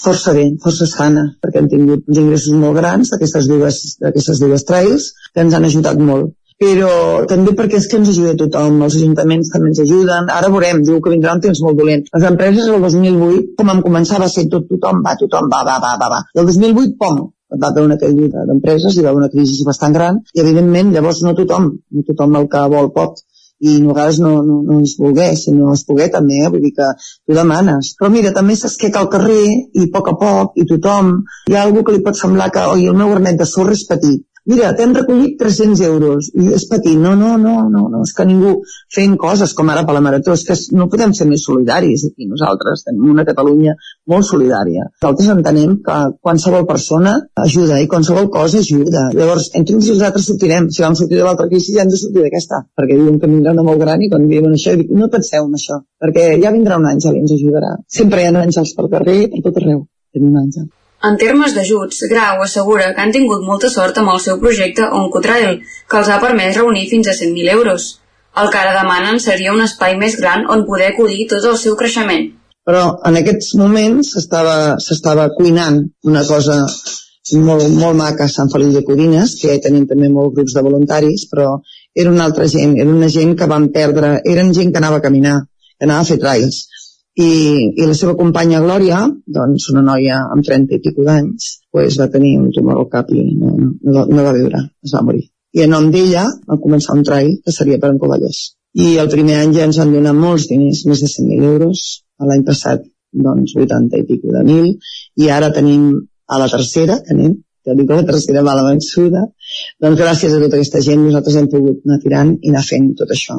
Són 40 persones eh, que hi ha darrere d'aquest Encotrai treballant-hi, voluntaris tots treballant-hi voluntàriament, per tal de que cada any es faci un trail important, en el qual també dels diners que recullen donem diners a la Goodman i també amb, la Enriqueta Villavetxa, que és de nens que ara han acollit els nens d'Ucrània, que han vingut, que, clar, que estaven allà amb les quimios i que, bueno, intentem entre tots, i ens van proposar-ho i nosaltres ens va semblar excel·lent. Ara mateix nosaltres estem creixent aquest any moltíssim. El nostre patronat diu, i què hem de fer? Bueno, de moment ja t'he dit que ens ha salvat tot això l'Oncodin Trail, si no potser et parlaria d'una manera. Què hem de fer? Pues això, demanar a, a tothom una mica d'atenció, que ens ajudi tothom qui pugui, perquè això creix i fins i tot eh, ens veiem que potser nosaltres tenim dues plantes d'un edifici bastant gran de l'Ajuntament, tota una planta de serveis i, i planta i mitja de serveis i l'altra mitja doncs, de, de tots els que treballem per tirar-ho endavant. I què passa aquí? És que el que necessitarem ben aviat serà un espai nou i diners per un espai nou no que no n'hi ha. Això és el que ens preocupa, potser, no? La presidenta d'Osona contra el càncer, Cristina Herrera, ens explica que el funcionament financer i l'estructura de la seva entitat també és 100% basada en el voluntariat. No hi ha ningú que cobri un sou. Assegura que totes les activitats en marxa no serien possibles sense la labor dels voluntaris i assenyala que, tot i que ho han fet amb molt de gust, moltes vegades és una pressió afegida. El més complicat és que la nostra peculiaritat és que som 100% voluntariat. I és clar, de vegades de fora no s'acaba d'entendre perquè pensem, bueno, hi ha una estructura potent dintre de zona contra el càncer, hi ha un, un, una gestió administrativa que es porta de manera molt rigorosa, hi ha una atenció telefònica, es porta un, una comptabilitat molt transparent. De fet, nosaltres cada mes publiquem tots els nostres ingressos i totes les nostres despeses i això es porta d'una manera molt molt professional i molt rigorosa, però és que tots els que ho fem són voluntaris. Mirem d'oferir una atenció molt professional 100% voluntaris. És que no, no, no hi ha ningú que cobri un sou dintre d'Osona contra el càncer. Per tant, això és una pressió afegida, tot i que és meravellós perquè tothom ho fa d'una manera voluntària i altruista, però és una pressió afegida perquè és com som una associació sense ànim de lucre a declarada d'unitat pública, doncs hem de complir. Tenir una base voluntària també comporta que tots els ingressos es poden donar. La presidenta ens parla de la seva situació econòmica i dels orígens dels donatius a Osona contra el càncer. Els ingressos es treuen principalment de les quotes de les quotes dels associats. Nosaltres només passem una quota anual i, a més a més, penso que és una bona inversió o prevenció, investigació, i són quotes anuals que la mínima és de 12 euros anuals i, a més a més, desgrava, perquè al ser declarats d'utilitat pública, doncs pot arribar a desgravar a la declaració de la renda o a l'impost de societats en cas de les empreses. Després tenim les campanyes que es fan als diferents municipis, captes, els concerts, les filades, els sopars, els dinars, els berenars solidaris, les sessions de teatre, diferents activitats que es fan dintre de la comarca i que són a càrrec de les diferents juntes locals. Després també tenim preses i particulars que ens fan donacions eh, puntuals o específiques, depèn de quin sigui l'objectiu. De vegades hi ha campanyes que són puntuals i són amb un objectiu concret, com ha estat el cas de diferents campanyes, el mamògraf digital o l'aparell colonoscòpic o els ecògrafs digestius o la campanya de prevenció de càncer de colon i recte. Hi ha objectius concrets. Les tres entitats tenen clar quin seria el seu desig, poder deixar de ser necessàries. Els responsables ens parlen sobre els seus projectes de futur per aconseguir, si més no, continuar contribuint a la causa. Des d'Amic Joan Petit afirmen que si poguessin demanar alguna cosa, en termes monetaris o d'ajuts, demanarien una estructura més professional i poder tenir una dedicació completa a la seva tasca, ja que tots els voluntaris col·laboren en les seves estones lliures. A vegades exigim en els, els metges, els exigim que ens curin, però sabem doncs, que les seves, els seus recursos són limitats o a vegades a nivell econòmic doncs, eh, estem malgastant els diners en altres coses quan ens agradaria doncs, que, que aquesta part doncs, quedés ja quedés coberta no per nosaltres sinó per la mateixa administració. Una és la millora de l'estructura i l'organització de la Fundació en quant a tindre més capacitat, ser més eficients en tot el que és tots els actes que, que celebrem i que tinguem més capacitat de, de poder recaptar moltíssim més. L'altre és una millor comunicació de tots aquests aspectes. I a vosaltres, el, el que és la premsa, la ràdio, la televisió, mitjans, les xarxes, que difon, difonen el que és la, la feina que fem, doncs que també la millorem molt. I clar, el futur seria que no hi hagués càncer infantil que el poguessin curar com un constipat. I això suposaria que el Joan Petit eh, hauria portat la seva petita part, molt petita part, en aquest camp d'aquesta malaltia. No haurien d'existir les fundacions, no haurien d'existir les associacions per aquesta cosa, és a dir, haurien d'estar ja cobertes per la mateixa administració, per sanitat, per salut, i, i m'han dit que no, que moltes vegades aquestes, eh, aquestes entitats, aquestes associacions són les que donen més resposta a les necessitats que tenen ells. De cara al futur, un covellès ens explica no haver de patir d'un any per l'altre per poder continuar la seva acció, que, per sort, no s'hi han trobat, i continuar avançant en l'ajut de les persones afectades per aquest gran amic, el càncer. En tenim un important que no sé si ens en sortirem, perquè tenim molta gent que hem d'acompanyar, a Barcelona perquè van al clínic, perquè la gent d'aquí a vegades també es deriva molt al clínic, a la Vall d'Hebron, depèn de la malaltia, es deriven. I hi ha molta gent sola. I ara tenim un projecte entre mans que si es pot consolidar, perquè aquí sí que necessitem un cotxe gran per poder portar, i de poder acompanyar, perquè hi ha d'anar l'acompanyant i hi ha d'anar algú nostre, voluntari, i moltes famílies no poden perquè alguns gent treballa i no poden acompanyar. Que es diu No Acompanyes, i és que és un projecte que és molt alt, no sé si arribarem, perquè d'entrada hem de o bé contractar una empresa i anar un voluntari i que ens portin la gent que tornin a casa o bé, com nosaltres tinguem aquest cotxe, tinguem una persona que porti i torni. Per tant, la, la nostra il·lusió seria poder aconseguir això. Osona contra el càncer, en canvi, va un pas més enllà i assegura que el futur ideal de les entitats com la seva és que desaparegui el càncer. És segur que la seva acció és essencial per l'acompanyament de les persones i les famílies que comparteixen adversari, asseguren que hem aconseguit avançar molt des de les primeres pedres d'aquestes fundacions i que ara toca continuar lluitant per un futur encara millor amb l'ajuda de tothom. Doncs caldrà fer-ho. Gràcies, Laura. Acabem els solidaris i serà moment de posar-nos al dia, d'actualitzar-nos aquí al Territori 17.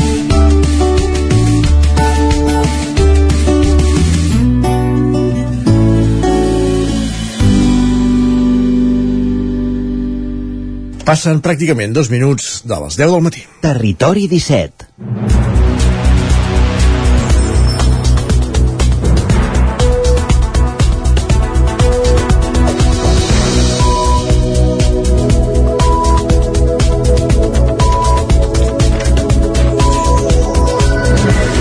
Territori 17 és moment d'actualitzar-nos, de posar-nos al dia amb les notícies més destacades de les nostres comarques, el Vallès Oriental, Osona, el Ripollès i el Moianès, i ho fem en connexió amb les diferents emissores que dia a dia fan possible aquest programa.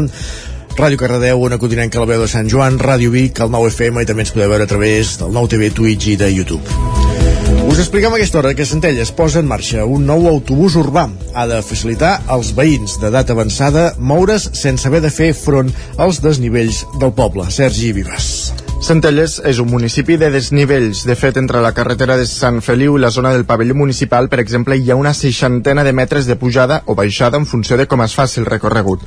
Mari Pau Aguilar és una de les, és una de les usuàries que van estrenar el nou autobús. Ella ha de superar una trentena de metres de desnivell repartits en poc més d'un quilòmetre i mig cada vegada que torna des del centre d'atenció primària fins al seu domicili. Jo mateixa tinc asma i visco d'una punta a l'altra del cap ja porso el cap, eh? I no puc arribar, eh? No puc arribar. I ara esperaré el dijous amb molt de gust. I, i m'anirà fantàstic. Mm, anava a comprar a les botigues que podia i ara podré anar a tot arreu. En aquest sentit també s'expressava Cristina Mancebo, presidenta de l'Associació de la Gent Gran de Centelles sincerament que aquest autobús ens anirà perfecte, perfecte, perquè, a veure, nosaltres a l'associació, els socis que tenim, el més jove té 70 i 75 anys, val? llavors hi ha molts socis que venien d'aquí baix i molts van deixar de venir perquè els costava moltíssim pujar a l'associació. Ara amb això anirà de conya, parlant clar, perquè podran venir, podran pujar, estar-se fins l'hora que vulguin i després al vespre, encara que sigui baixada, ja no baixen sols.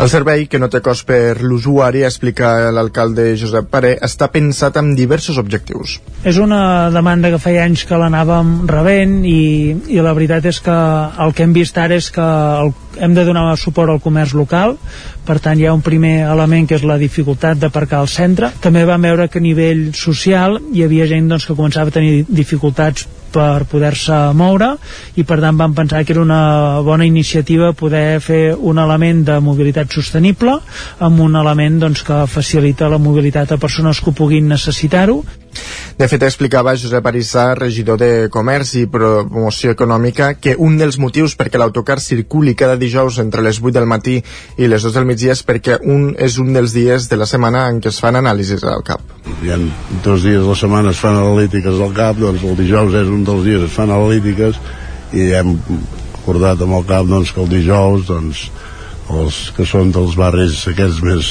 allunyats del centre i del cap doncs serà el dia que els hi podem donar l'atenció si el jove vagi a comprar també el pot agafar o que vagi a fer alguna gestió la prova pilot s'allargarà durant 3 mesos i els usuaris rebran un tiquet per valor d'un euro que podran més canviar en forma de descompte quan facin una compra a partir de 5 euros en diversos municipis centellencs. Ho dèiem a l'inici del programa, dijous es fa el sorteig de la loteria de Nadal. La venda de loteria manté la tendència a l'alça dels últims anys. A Osona, la quantitat consignada puja sensiblement respecte al 2021. A l'administració número 1 de Vic, situada a l'inici de la Rambla del Carme, estan desbordats. Això ho deia la seva responsable, la Montse. Les llargues cues es van anar formant els dies de mercat medieval i encara es van repetint. Per altra banda, la imatge de cues a la porta de les administracions en loteria a les sucursals de la sort que hi ha al centre de Vic. També confirma certa eufòria Kiko Garcia, de l'administració de la Carpa d'Or de Roda de Ter. Les percepcions de venedors tenen una traducció en xifres. D'una banda, Loteria i Apostes de l'Estado, responsable del sorteig, comunica que la loteria consignada, aquella que sol·liciten per la seva venda les administracions, es manté estable a Vic respecte a anys anteriors, situant-se en els 4,7 milions d'euros. Pel que fa a l'import venut en el sorteig de fa un any, Vic va experimentar un creixement respecte al 2020. A la, a la capital d'Osona es van passar dels 3,7 milions d'euros als 4,5. Loteries de l'Estado no ha facilitat dades de municipis com Manlleu o Torelló. Més qüestions, encara relacionat amb la loteria, perquè una butlleta de la, de la Bonoloto deixa un premi de 70.000 euros a Mollà. L'administració número 1 de la capital del Moianès ha sigut qui ha repartit aquest premi amb 5 encerts més el complementari. Caral Campàs, Ona Codinenca notícies per la capital del Moianès a les portes de Nadal. L'administració de loteria número 1 de Moià ha consignat una butlleta de la Bonoloto premiada amb un total de 70.000 euros en el sorteig celebrat el dijous 15 de desembre. En concret, el premi ha estat atorgat per un total de 5 encerts més el complementari corresponent a la segona categoria. La combinació guanyadora d'aquest sorteig de la Bonoloto de dijous, que ha deixat, com dèiem, un premi a Moià, és el següent. 29, 3, 31, 40, 47 i 24. El complementari complementari és el 10 i el reintegrament el 2. En el mateix sorteig hi ha hagut una altra butlleta premiada de la mateixa manera a Santa Cruz de Tenerife i una de primera categoria a Madrid. I en aquesta línia de sortejos, aquesta setmana torna com cada any el sorteig de Nadal de la Loteria Nacional, un esdeveniment que cada any reparteix sort durant aquestes dates tan assenyalades. Serà el pròxim dijous 22 de desembre quan tornarà a tenir lloc aquest sorteig. L'Organització de Consumidors i Usuaris ja ha predit quan es gastarà de mitjana cada ciutadà. Segons l'organisme i tenint en compte el preu d'una butlleta del sorteig valorada en 20 euros, s'arribarà a una despesa d'aproximadament 70 euros, uns 9 per persona. Doncs gràcies, Caral. Més qüestions. Una vintena de bombers van rebre divendres una distinció per la seva carrera dins el cos, una forma de premiar la seva dedicació. L'acte, celebrat a Vic, també va servir per fer una radiografia de l'estat de la professió i per repassar els reptes de futur del cos, Sergi. El recinte firal del Sucre va ser l'escenari de reconeixement a la trajectòria dels bombers amb més antiguitat del cos de la regió d'emergència central. El cos va lliurar la distinció a una vintena de bombers professionals i voluntaris. Les medalles de bronze per 20 anys de servei efectiu, la medalla d'argent per 20 25 anys de servei efectiu al cos o me, la medalla d'or per més de 30 anys de servei. Una jornada per posar en valor la tasca que fan i també sobretot per mirar enrere. Fèlix Esteve és bomber i Luis Jiménez eh, és l'excaporal dels bombers de Barresa. Des de en una escala per baixar un gat i el gat no volia baixar de cap de les maneres, agafar un guà ben gruixut i a base d'esgarrapades baixar i agafar per la, per la gepa i, i baixar sencer a terra. També es passa moments una mica que tens de prendre la decisió més aviat personal, no. Sí, personal i del conjunt de tot l'equip. Perquè a vegades eh, penses que no pots vivimos el, el mucho y vivimos la satisfacción de ver que, que han habido servicios donde todo ha ido muy bien, donde hemos podido recuperar mm, pues eh, personas que en ese momento estaban pasándolo mal y se han abrazado de nosotros. Siempre ha sido cuando has podido, cuando has estado trabajando con personas, en, sobre todo en accidentes de tráfico, que ves pues que en ese momento pues la, la, las personas que están atrapadas pues están en una situación verdaderamente complicada. Complicada para nosotros a la misma vez que estamos haciendo el descarcelación. L'acte també ha servit per repassar els reptes de futur del cos, l'emergència climàtica, especialment a la regió central, on la massa forestal ocupa gran part del territori, és, la, és el principal escull dels propers anys. Ho explicava Santi Lleonard, cap de regió d'emergència central. La feina ha canviat moltíssim, estem amb nous reptes, de veritat, estem en un repte, amb un canvi tant estructural, nous reptes a nivell d'emergència climàtica, de serveis nous tecnològics, a la societat, ens hem d'adaptar als nous temps, a la societat avança i el cos de bombers s'ha d'adaptar a donar resposta a aquesta societat.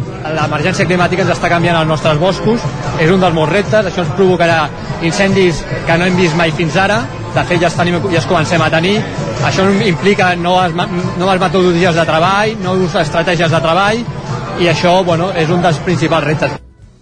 En l'acte de reconeixement també hi van assistir representants de l'Ajuntament de Vic, de Protecció Civil, els agents rurals o els Mossos d'Esquadra, cossos independents que diuen no entenen la seva feina els uns entre els altres. I més qüestions. Uh, uh, L'Ajuntament anem cap al Ripollès perquè els bastions de Ribes de Freser i l'Olla de Núries, estem ara ja en la pàgina esportiva, canvien de dates per preservar la perdiu blanca. Isaac Muntades, des de la veu de Sant Joan.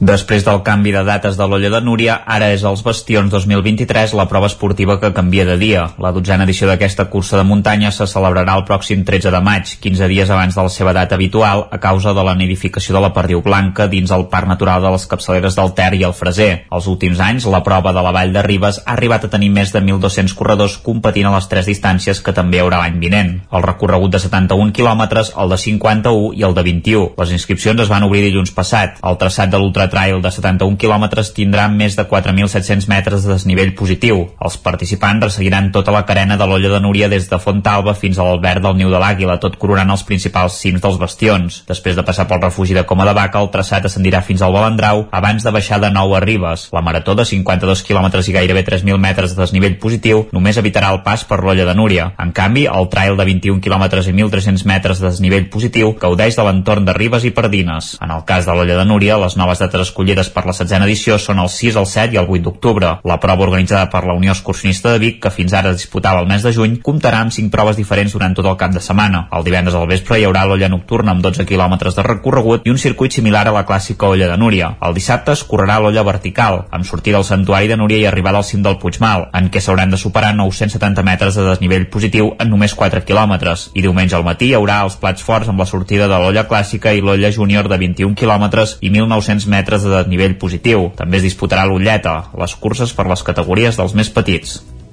Gràcies, Isaac. I el circuit de Barcelona-Catalunya, el circuit de Montmeló, recapta un total de 14.000 euros per la marató de TV3 pel Grau Roi Televisió Cardedeu.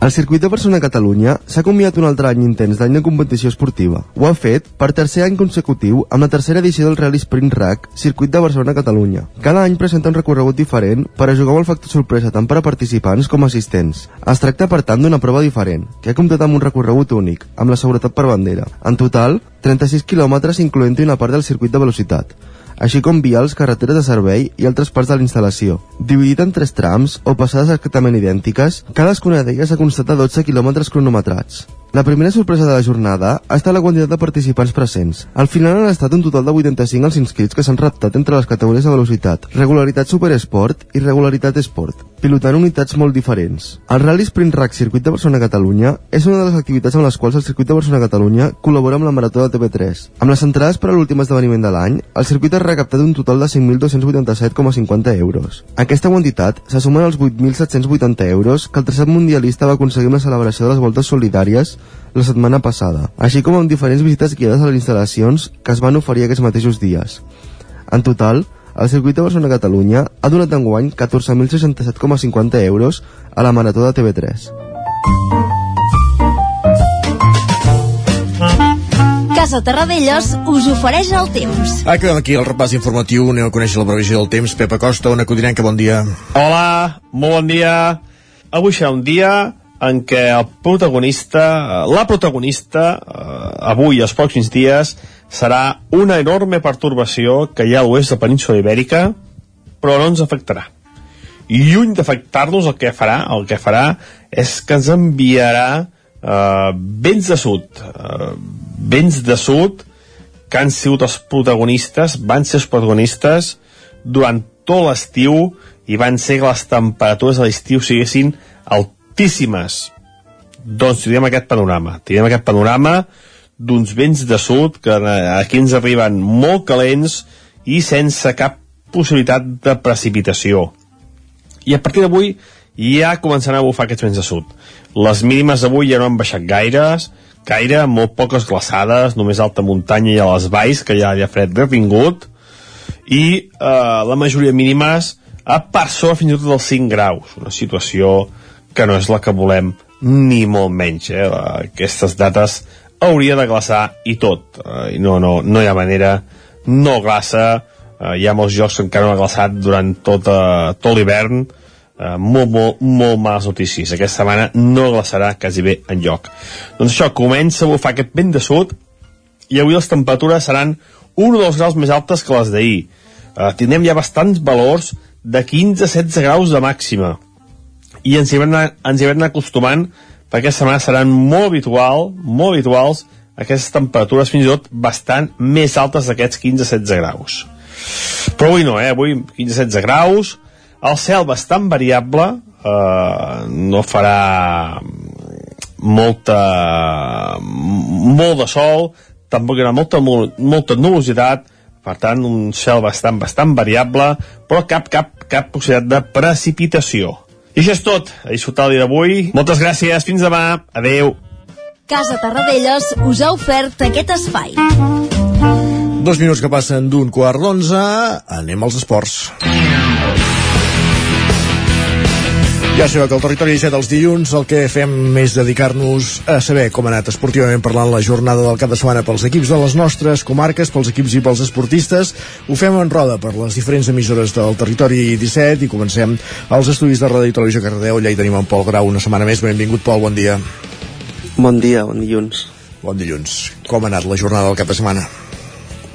Bé, amb empats als últims minuts. Això és important, això és bo. Bueno, Pensa no pels nostres equips. Va haver una selecció que va empatar fins a tres vegades, fins a dues vegades, Sí. i llavors va perdre els penals.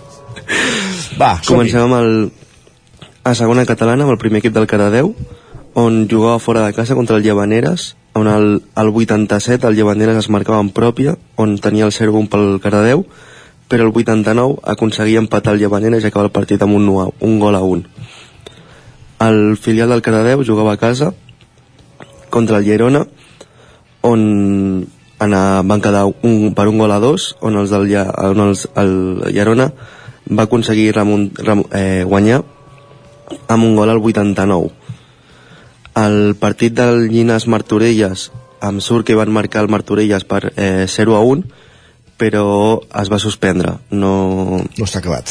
no es va acabar el partit. I el Granollers sí que va guanyar per 5 gols a 0 Molt bé. a primera catalana contra el Vescano eh, Vescano, 5, per 5 per 5 a 0 sí. i en bàsquet només tenim el Llinàs que també va aconseguir guanyar per 72 a, 72 a 61 perdó le... ai aquí, el 18 el Llinàs va aconseguir guanyar eh, 94 a 63 ara sí Uh -huh. contra el bàsquet Aleia Molt bé. I això és tot no tenim perquè van jugar entre setmana el club bàsquet Granollers i el handbol ja no juga fins al febrer contra el Barça Perfecte, gràcies, Pol. Continuem el Bona recorregut. setmana. Bona setmana. Anem fins a una codinenca, allà hi tenim la Caral Campàs. Caral, benvinguda, bon, bon dia. Hola, bon dia. Com ha anat la cosa? Mira, uh, començo repassant el futbol, si et sembla. A primera catalana, el grup 1 tenim el Caldes, que va ser derrotat pel Mataró en el partit corresponent a la jornada 11. Uh, els calderins se situen així en zona de descens i encadenen una molt mala ratxa amb els últims uh, quatre partits perduts. I encara en futbol, a tercera, el grup 5, el Mollà, no para de sumar encerts i es van dur la victòria uh, davant el Fulgaroles aquest cap de setmana i es mantenen així líders empatats amb l'Olímpic a 31 punts i el Vigas en aquest grup 5 encara va empatar a 2 davant l'Oar Vic. El Vigas segueix al fons de la classificació mentre que el Vic és novè amb 19 punts. I per tancar el futbol en aquest grup 5 de tercera el Sant Feliu de Codines va remuntar davant el Predenc en un partit que va acabar per 2 a 1 i amb aquest resultat el Sant Feliu de Codines és quart del grup 5 empatat a punts amb el Tona. I me'n vaig a, a l'hoquei, però segueixo amb el Sant Feliu de Codines, a segona divisió, victòria d'infart, val a dir, la que van tenir els codinencs que s'enfrontaven a l'Alameda. El partit és la segona victòria de la temporada de l'equip de Turon, que va patir de valent, tot i aconseguir tancar el marcador amb un 5 a 3 i a, a primera en hoquei femení les noies del Vigas i Riells van perdre a casa davant el Manlleu molt més ben classificat, tot i començar marcant les de Vigues. El maig va acabar amb un 1 a 2. I tancaria amb hoquei amb, a primera, amb hoquei masculí, amb el rec amb les arcaldes, que jugarà finalment els vuitens de la Copa de la CERS, la segona competició europea, després que no hagi pogut superar la segona fase de la Champions, disputada a Itàlia aquest cap de setmana. L'equip de Candami va jugar divendres contra el Noia, amb qui va empatar a 3 gols, eh, dissabte i diumenge però va perdre els dos partits davant els, els dos conjunts italians, el Forte di Marmi 2 a 1, l'equip anfitrió i el Galileo a 4 a 5 Perfecte, moltes gràcies, Caral. Fins ara. Merci. Adéu-siau. Fins ara. Continuem aquest recorregut als estudis de la veu de Sant Joan. Isaac Montades, benvingut de nou. Bon dia. Es Doncs no. la cosa. Ha anat bastant malament, eh, pels equips del Ripollès, eh, però bueno, hi ha, hi ha alguna excepció, però bastant malament. Uh, comencem parlant de, de futbol i anem al grup 18 de la tercera catalana, perquè la Badesenc va perdre el liderat en caure 0 a 3 a casa contra el Fornells, que fins ara era el segon classificat. Ara el Fornells doncs, té 30 punts i la Badesenc 27, estaven empatats fins ara.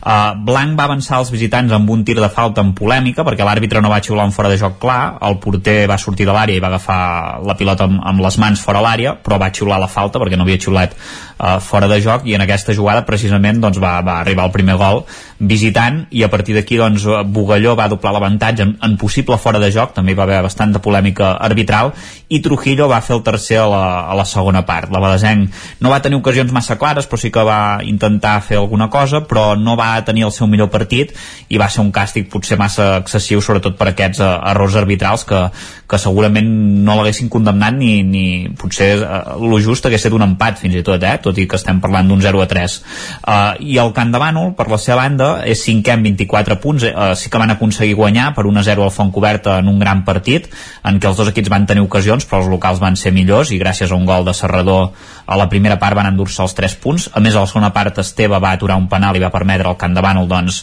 eh, mantenia la victòria i seguir escalant a la classificació mal partit del Camprodon, que va caure derrotat a casa per 0 a 1 davant el Sant Pons. Ara mateix els camprodonins són ens amb 15 punts i pràcticament diuen adeu a les opcions d'ascens aquesta temporada, quan encara no s'ha acabat la, la primera volta. Uh, hem de dir que el gol va fer Garriga al, prim, al minut 46 en aprofitar doncs, un error de marcatge en una falta. I per acabar també males notícies a la Lliga de Nacional Catalana perquè l'Hockey Club Ripoll doncs, va caure golejat per 4-1 a la pista del Jaiec en un partit molt pobre dels ripollesos. Els gironins van dominar ple la, la primera part, van marxar al descans amb un 3 a 0 al marcador i a la segona meitat doncs sí que el Ripoll va sortir millor, Jaume va aconseguir fer el 3 a 1 però no va ser suficient i el Jaiec doncs, va rematar la feina amb un quart gol. Ara mateix els ripolleros són setens amb 11 punts i es queden a, a dos punts de, de la zona per lluitar per, per l'ascens. Això sí, ara tindran tres rivals més assequibles i, i dos partits senzills com a locals, per tant haurien de, de remuntar posicions. Perfecte, gràcies Isaac. Fins ara. A vosaltres, fins ara. I acabem aquest recorregut als estudis del 9FM on hi tenim l'Ester Rovira. Benvinguda un dilluns més. Bon dia. Com ha anat la jornada? Doncs mira, bastant de, de tot, algunes notícies millors que d'altres, però, però bé, una mica de tot. A més, recordem que hi havia derbi uh, a la primera catalana, per tant, un cap de setmana interessant. Sí, l'últim uh, amb activitat abans de, de l'aturada de, de Nadal. Uh, si et sembla, comencem a, amb futbol i a tercera federació, on el Tona va guanyar a l'últim segon, uh, al camp del Badalona, va capgirar un 1 a 0 en contra, uh, amb gols de Ferri i Roquet en el, en el descompte, i per tant, uh, una bona manera de tancar la primera volta de, de, la, de la competició en aquesta seva temporada de debut històrica a la categoria, i d'aquesta manera és desè a la classificació amb 20 punts, uh, però empatat amb, amb l'Hospitalet i la Pobla de Mohamed que també en tenen 20 i que estan per davant seu. Uh, per tant una, una bona primera volta en línies generals malgrat que s'han escapat uh, punts. En el cas de, de la primera catalana això que dèiem, uh, el punt d'interès era aquest derbi de, de futbol al camp del Vic entre, entre el Vic i el Manlleu uh, el clàssic de, del futbol a, a la comarca sí, sí. sí, que va acabar amb un empat a, a un gol i que hem de dir que va ser un partit amb, amb poc futbol. Um, i que va estar marcat uh, que per la lesió de, de Raúl Campaio, que, que es va fer mal a, a l'espatlla. Uh, i més enllà d'això, mm, animació a les grades, però, però a vegades els derbis tenen això, eh, que hi ha uh, massa por de perdre, uh, masses precaucions i potser, exacte, i potser acaba sent un, un partit uh, doncs on, on el futbol acaba sent discretet i tampoc hi ha uh, ocasions molt, molt clares de, de gol no? segurament uh, l'empat ja també els anava bé els, els dos conjunts que són sisè i vuitè la, a la classificació del grup 1 o no, perquè segurament tothom vol mirar més amunt però bé, en tot cas 1 a 1 en aquest derbi. I en el cas de l'altre equip usonenc de, de la categoria el Torelló hem de dir que va poder trencar la mala ratxa van fer un partit seriós davant el Mollet i van sentenciar el descompte. Es van imposar per 0 a, a 2 i això els permet doncs, mantenir-se desens amb 13 punts, que són els mateixos que, que té el, el Manlleu. Uh, en el cas de la primera divisió nacional femenina, victòria també per acabar l'any del Vic Riu primer, uh, aquests, uh, aquest 2 a 0 a casa contra, contra l'Egea, uh, en els últims 3 punts que podien aconseguir uh, aquest any, uh, en un partit complicat, encara que no ho sembli per al, per al resultat, i les biguetanes que són cinquenes del seu grup 3 en aquesta eh, categoria que és la quarta divisió del futbol estatal femení. Uh -huh. eh, recordem que aquest any l'objectiu era fer un pas més i de moment ho estan, ho estan aconseguint, estan traient el cap a la, a la part alta. Eh, tot això... una cosa, tenim 30 segons per la pausa. Sí. Eh, doncs falta tot el bloc d'hoquei, okay. fem mm. la pausa i a dos quarts en punt reprenem el repàs esportiu amb, amb tot el, el, el que ens falta. Va, perfecte. Anem escassos de temps. Sí. doncs això, fem una petita pausa aquí al Territori 17, com cada dia a aquesta hora, just abans de, 3 minuts abans de dos quarts i a dos quarts en punt tornem a ser aquí completant aquest repàs a l'actualitat esportiva de la comarca d'Osona. Fins ara mateix. El nou FM, la ràdio de casa, al 92.8. Ja sé com vull el nou bany. Blanc, d'estil mediterrani, fresc i funcional. Ara que també podríem aprofitar per canviar el terra del pis. Fa tant de temps que el vull renovar. A Corretja trobem el bany que millor s'adapta a tu. I si t'animes, trobem el que millor li queda a la resta de la teva llar. 100% bany. 100% Corretja. A Corretja tenim tot el que necessites per renovar la teva llar. Materials per la construcció, revestiments, parquets, cuines, pintures. Al carrer Mas Vigues 8 de Vic. A corretja-sl.com o a Instagram. 100% materials per la construcció i la decoració. 100% Corretja. Corretja us desitja unes bones festes. Passema, comercial de maquinària i utillatges amb més de 50 anys al vostre servei. Visiteu la nostra botiga i trobareu productes de gran qualitat. Passema, som al polígon Sot dels Pradals, al carrer Cervera 10 de Vic. Telèfon 93 885 32 51. Us desitgem bones festes. Has esperat que arribi el fred per comprovar si et funciona bé la caldera? No pateixis, a Casa Jové som especialistes en manteniment, reparació i revisió d'equips d'aigua calenta i calefacció, tant en l'ambient domèstic com industrial. Si tens una avaria, no ho dubtis. Som Casa Jové. Ens trobaràs al carrer Girona, número 9 de Vic i al telèfon 93 886 1596. Casa Jové, el teu servei tècnic de confiança. Per a qui seria perfecte aquest piano de jugueto? Per a nens que donin la nota. I aquest maletí de pintura? Pels que volen pintar alguna cosa a la vida. Jugar és viure. I viure és jugar. Vine a la teva botiga Juguetos i emporta't el catàleg de Nadal. Juguetos. Queda molt per jugar. Has d'organitzar un esdeveniment? A l'Ineixat lloguem les cadires, taules, plats, coberts, rams de flors i tota la decoració necessària per preparar qualsevol esdeveniment. Vine a buscar material per a festes, casaments, celebracions culturals, espectacles, concerts o reunions d'empresa i de família. Ens pots venir a veure al passeig de la Generalitat número 52 Baixos de Vic, buscar-nos a les xarxes o trucar-nos al telèfon 670 38 96 25. Ah, i també ens trobaràs a Girona. A l'Ineixa tenim tot el que pots necessitar per fer-te la vida més fàcil. L'Ineixa us desitja unes bones festes. Cocodril Club. Si t'agrada la bona música dels anys 60, 70 i 80, escolta el 9 FM als matins de dissabtes i diumenges d'11 a 1. És el temps del Cocodril Club, tot un clàssic de la ràdio, amb les bases del pop-rock, les llegendes, les cançons que s'han convertit en autèntics himnes. Recorda, dissabtes i diumenges al matí, d'11 a 1, al 9 FM 92.8. Cocodril Club, el programa revival de l'Albert Malla.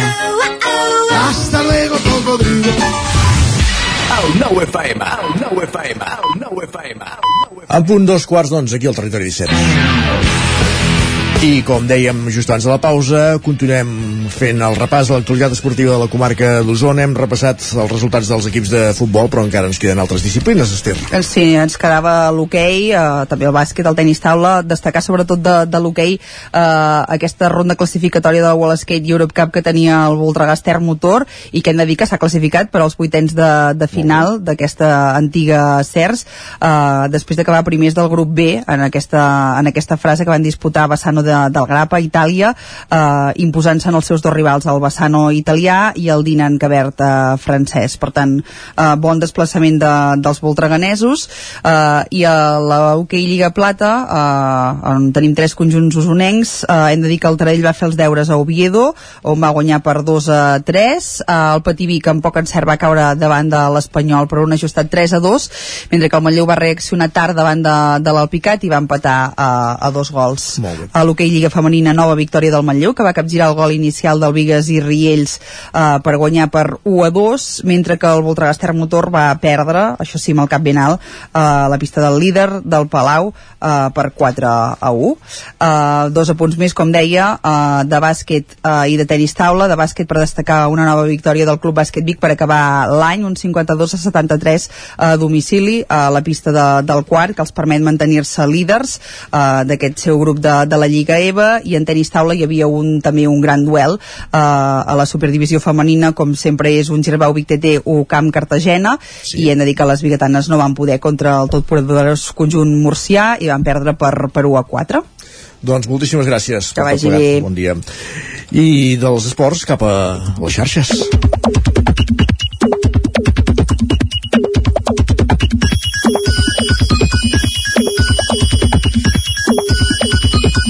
les xarxes i en concret Twitter, com cada setmana en Guillem Sánchez, com cada dia ens destaca les pilades més destacades, valgui la redundància que ha trobat, suposem parlant molt de la final del Mundial, oi Guillem, correcte, bon dia? Correcte, exacte, anava a posar a prova però ja veig que t'has avançat a, a les meves aportacions i parlant de Messi, Argentina, Mundial, Qatar i tota Ahir aquesta... tothom parlava del Mundial i TV3 a més a més també parlava del marató Correcte, correcte. doncs va, per exemple, gent com la Marta ens escrivia tota la vida esperant aquesta foto i va i et posen una mosquitera a sobre.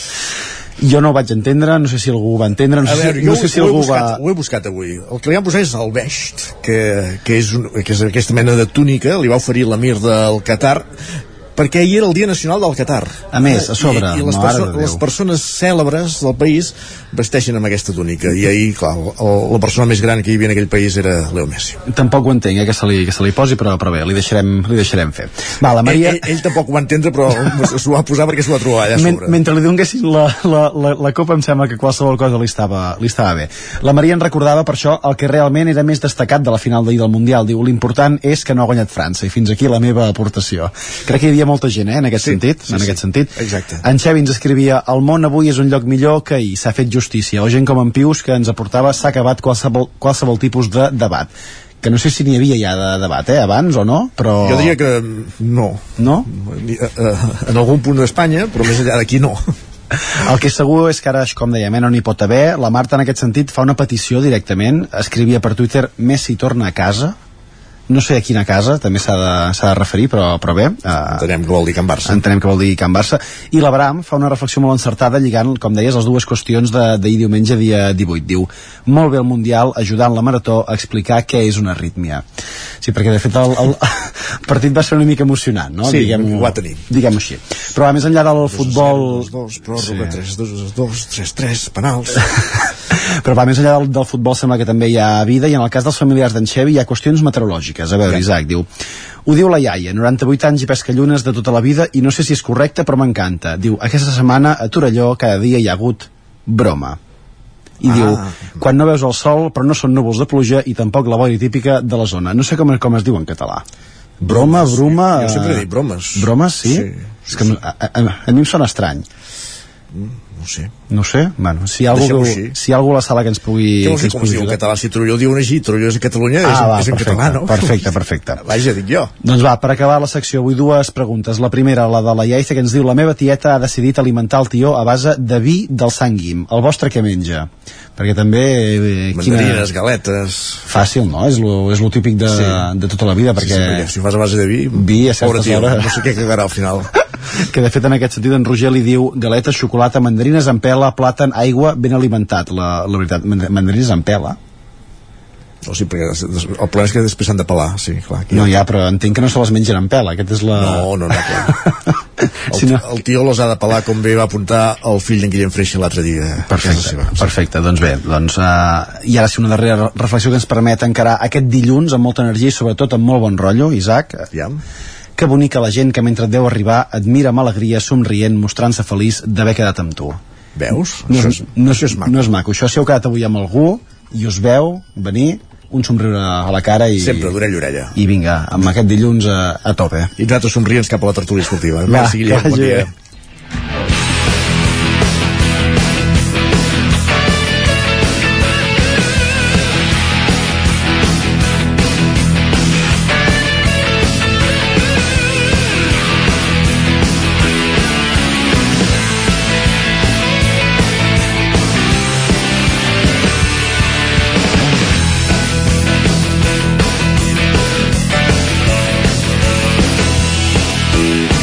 6 minuts que passen de dos quarts d'onze, rec de final del territori 17, moment per la tertúlia esportiva, avui en companyia de l'Agustí Danés, de Lluís de Planell i de l'Isaac Muntades per parlar d'aquesta final del Mundial, un Mundial que no semblava mai que s'hagués d'acabar, va acabar ahir amb aquesta final, Argentina 3, França 3 i victòria d'Argentina als penals. Sac greu, Muntades, bon dia. Bon dia. Bueno, jo no volia que guanyés cap dels dos. Ah, vaja. Per tant, realment... Home, jo crec que el resultat...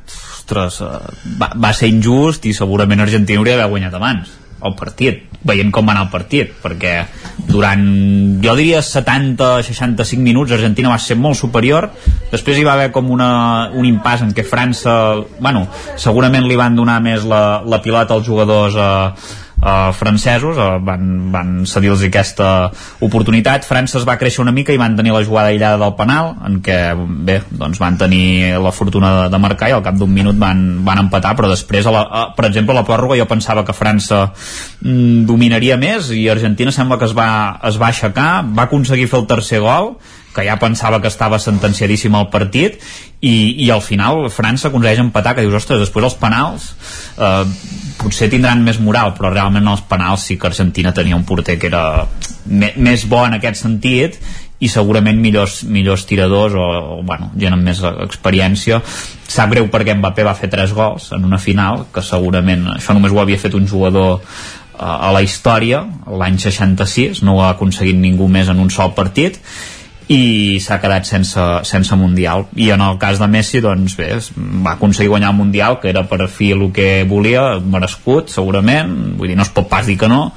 Ara doncs a veure si pot aconseguir superar els 19 jugadors que té per davant amb més mundials que jo ho veig una mica més difícil que pugui superar jugadors com Heraldo Monseglio, Guido Massetti uh, Josep Meazza, Ronaldo, Cafú, Babà, Zagallo, Pelé, que en té 3, que és l'únic que en té 3, vull dir, tindrà difícil, eh? però bueno, tot és possible en aquesta vida. En tot cas, hi ha un argentí que en té més que ell, que és Daniel Passarella, que això no ho sabia, no Això sabia que hi havia un argentí que en té dos. Mundials disputats? No, no, mundials guanyats. No, no, no, impossible Sí, sí, que guanyi més de 3, home. No, clar, per això, però bueno, ja n'ha guanyat un. Vull dir, jo mai guanyaré un Mundial, ostres, Està clar. felicitats a Messi. Vull dir, no, no, va fer... El Mundial de Messi és molt bo, ara parlaran els altres i això, i, però eh, que ha fet un bon Mundial, no se li pot negar. Ha fet molts gols de penal, també és veritat, però sí que la incidència en el joc ha estat molt important i que segurament doncs, ahir Argentina mereixia guanyar no en els penals, molt abans. I pensar que alguns ja l'enviaven a casa després del primer partit amb l'Aràbia Saudita, eh? En fi. Però jo no era aquest, eh? Segurament. Busquem declaracions, però jo no crec que ho digués, això, eh? Volia dir que se, li, que se li va complicar, però no... Després de la primera jornada tothom pensava que Espanya tenia moltes opcions i ja, va, Sí. ja vau veure i, i que Argentina en, en tindria poques i també ho hem vist en quant a la final jo diria que fins que no, eh, Argentina no fa un Dembélé i regala un, un penal a, a França doncs el partit no va existir perquè Argentina va ser molt superior però el primer penal permet a, a França entrar en el partit i llavors l'Mbappé demostra que és un, un, un figura, eh, marca, i llavors sí, llavors quan semblava que tot estava a favor dels francesos, llavors resulta que es capgira la, la truita i Argentina fa, diguem, eh, justícia, es fa justícia ella mateixa i guanya un, eh, una final que, que va tenir eh, controlada, doncs ja dic, la, la majoria de minuts, perquè per mi fins al minut 70 o 71 que arriba el, el primer gol de França fins al final, allò, allò va ser una autèntica final, però fins a, de, a partir de, del minut 1 fins que marca França eh, jo no vaig entendre l'actitud dels francesos semblava que eh, com si juguessin un partit amistós mentre que Argentina va jugar amb una intensitat i amb unes ganes i amb, amb jugadors amb veterans perquè no, no, no tot, tots parleu de Messi per, pel tema del Barça però en Di Maria eh, va fer un, sobretot una, una, una primera part extraordinària per mi. Eh, i vull dir que mm, llavors en, en versió en blaugrana en Dembélé si eh, ho volíeu potenciar i fer-ne algun caler amb aquest mundial um, bé, jo diria que té opcions de quan sospina o el Mollà però gaire més que això ja no és. Bueno, jo... em sorprèn l'Isaac que té tantes dades, jo no tinc tantes dades. De totes maneres, veig que es va complir el seu desig, perquè diu que no volia que guanyés ningú, i l'altra setmana passada ens va explicar que els partits del Mundial eh, s'acaben al minut 90, no? Vas dir que Espanya portava no sé quants partits sense perdre el Mundial, per tant ho vas endevinar, perquè no va guanyar ni un ni l'altre, van empatar. Vull dir Sí, que vas tenir, correcte. vas Sí, tenir sí. Bon, bon, bon ull. Uh, és curiós això que que no guanyi ni un ni l'altre però, perquè la Copa la van donar amb uns però vaja. Uh, jo, jo, jo del partit em, em, em va interessar el partit. Va estar bé perquè, perquè va estar bé pel, pel, pels dos equips. Primer jo crec que França és, és, té molt millor equip que Argentina però Argentina eh, domina molt bé, a més des del principi del Mundial eh, totes les facetes de, del, del que és un joc i saben, saben el que han de fer vull dir, els, els centrals eh, aquests argentins eh, saben a, a què juguen amb Messi, clar, amb Messi uf, tenim Messi, Messi és com el Cid no? vull dir, l'important és qui sigui perquè fa por i després, i després té aquells, aquells detalls aquell, aquell talent no? de, la jugada del segon gol al final no, no el marca ell el segon gol però fa aquell toc no? per, per sortir amb, fer aquell toc per habilitar eh, després el jugador de banda. I per tant té aquestes, aquestes genera aquestes eh, aquestes accions i aquestes sensacions. Tot, tot els rivals estan molt pendents d'ell que també passa al revés. També passava amb els argentins respecte a l'Mbappé molt, molt pendents. Però dic que a mi el partit em va agradar perquè penso que, que França va perdre tres vegades. O sigui, França va perdre el partit quan anaven 2 a 0 tenia el partit perdut tenia el partit, el partit perdut a la pròrroga quan anaven 3 a 2 i finalment va perdre el partit als penals. Però té molt mèrit que, que, que havent perdut o tres vegades va estar a punt de guanyar perquè hi va haver l'última jugada l'acció que va treure el porter que llavors per, per, per sobreviure a, a una final així has de tenir molt talent i molt caràcter i, i, i molt bon equip perquè si no et destrossen no? vull dir que tal, tal com anava el partit et destrossen i, i llavors eh, també una mica eh, la, la valentia de l'entrenador perquè en una final del Mundial en què tots són figures, tu al minut 40 canviar dos jugadors, quan falten 5 minuts perquè aquell canvi el pots fer a la mitja part però fer els dos canvis al minut 40 jo crec que diu a favor de l'entrenador de França perquè vol dir que el tio estava emprenyat. Estava emprenyat i va agafar Dembélé i en Giroud. i, i els va treure al minut 40 quan lo lògic era no? Dir, en una situació normal esperes el descans i llavors intentes fer el canvi no? de cara a la segona part i els va treure al minut 40 i, i ah, per, per retratar-los per retratar-los però vull dir i, i França eh, bueno, França va, va donar el nivell i l'Mbappé és, és molt bo però els argentins penso que Argentina va saber jugar més, no? I quan mires tot el Mundial que han fet des d'aquell aquell fracàs, diguem, del primer partit contra l'Aràbia Saudita, però llavors com han, com han jugat a guanyar perquè han jugat a guanyar, que és diferent, no?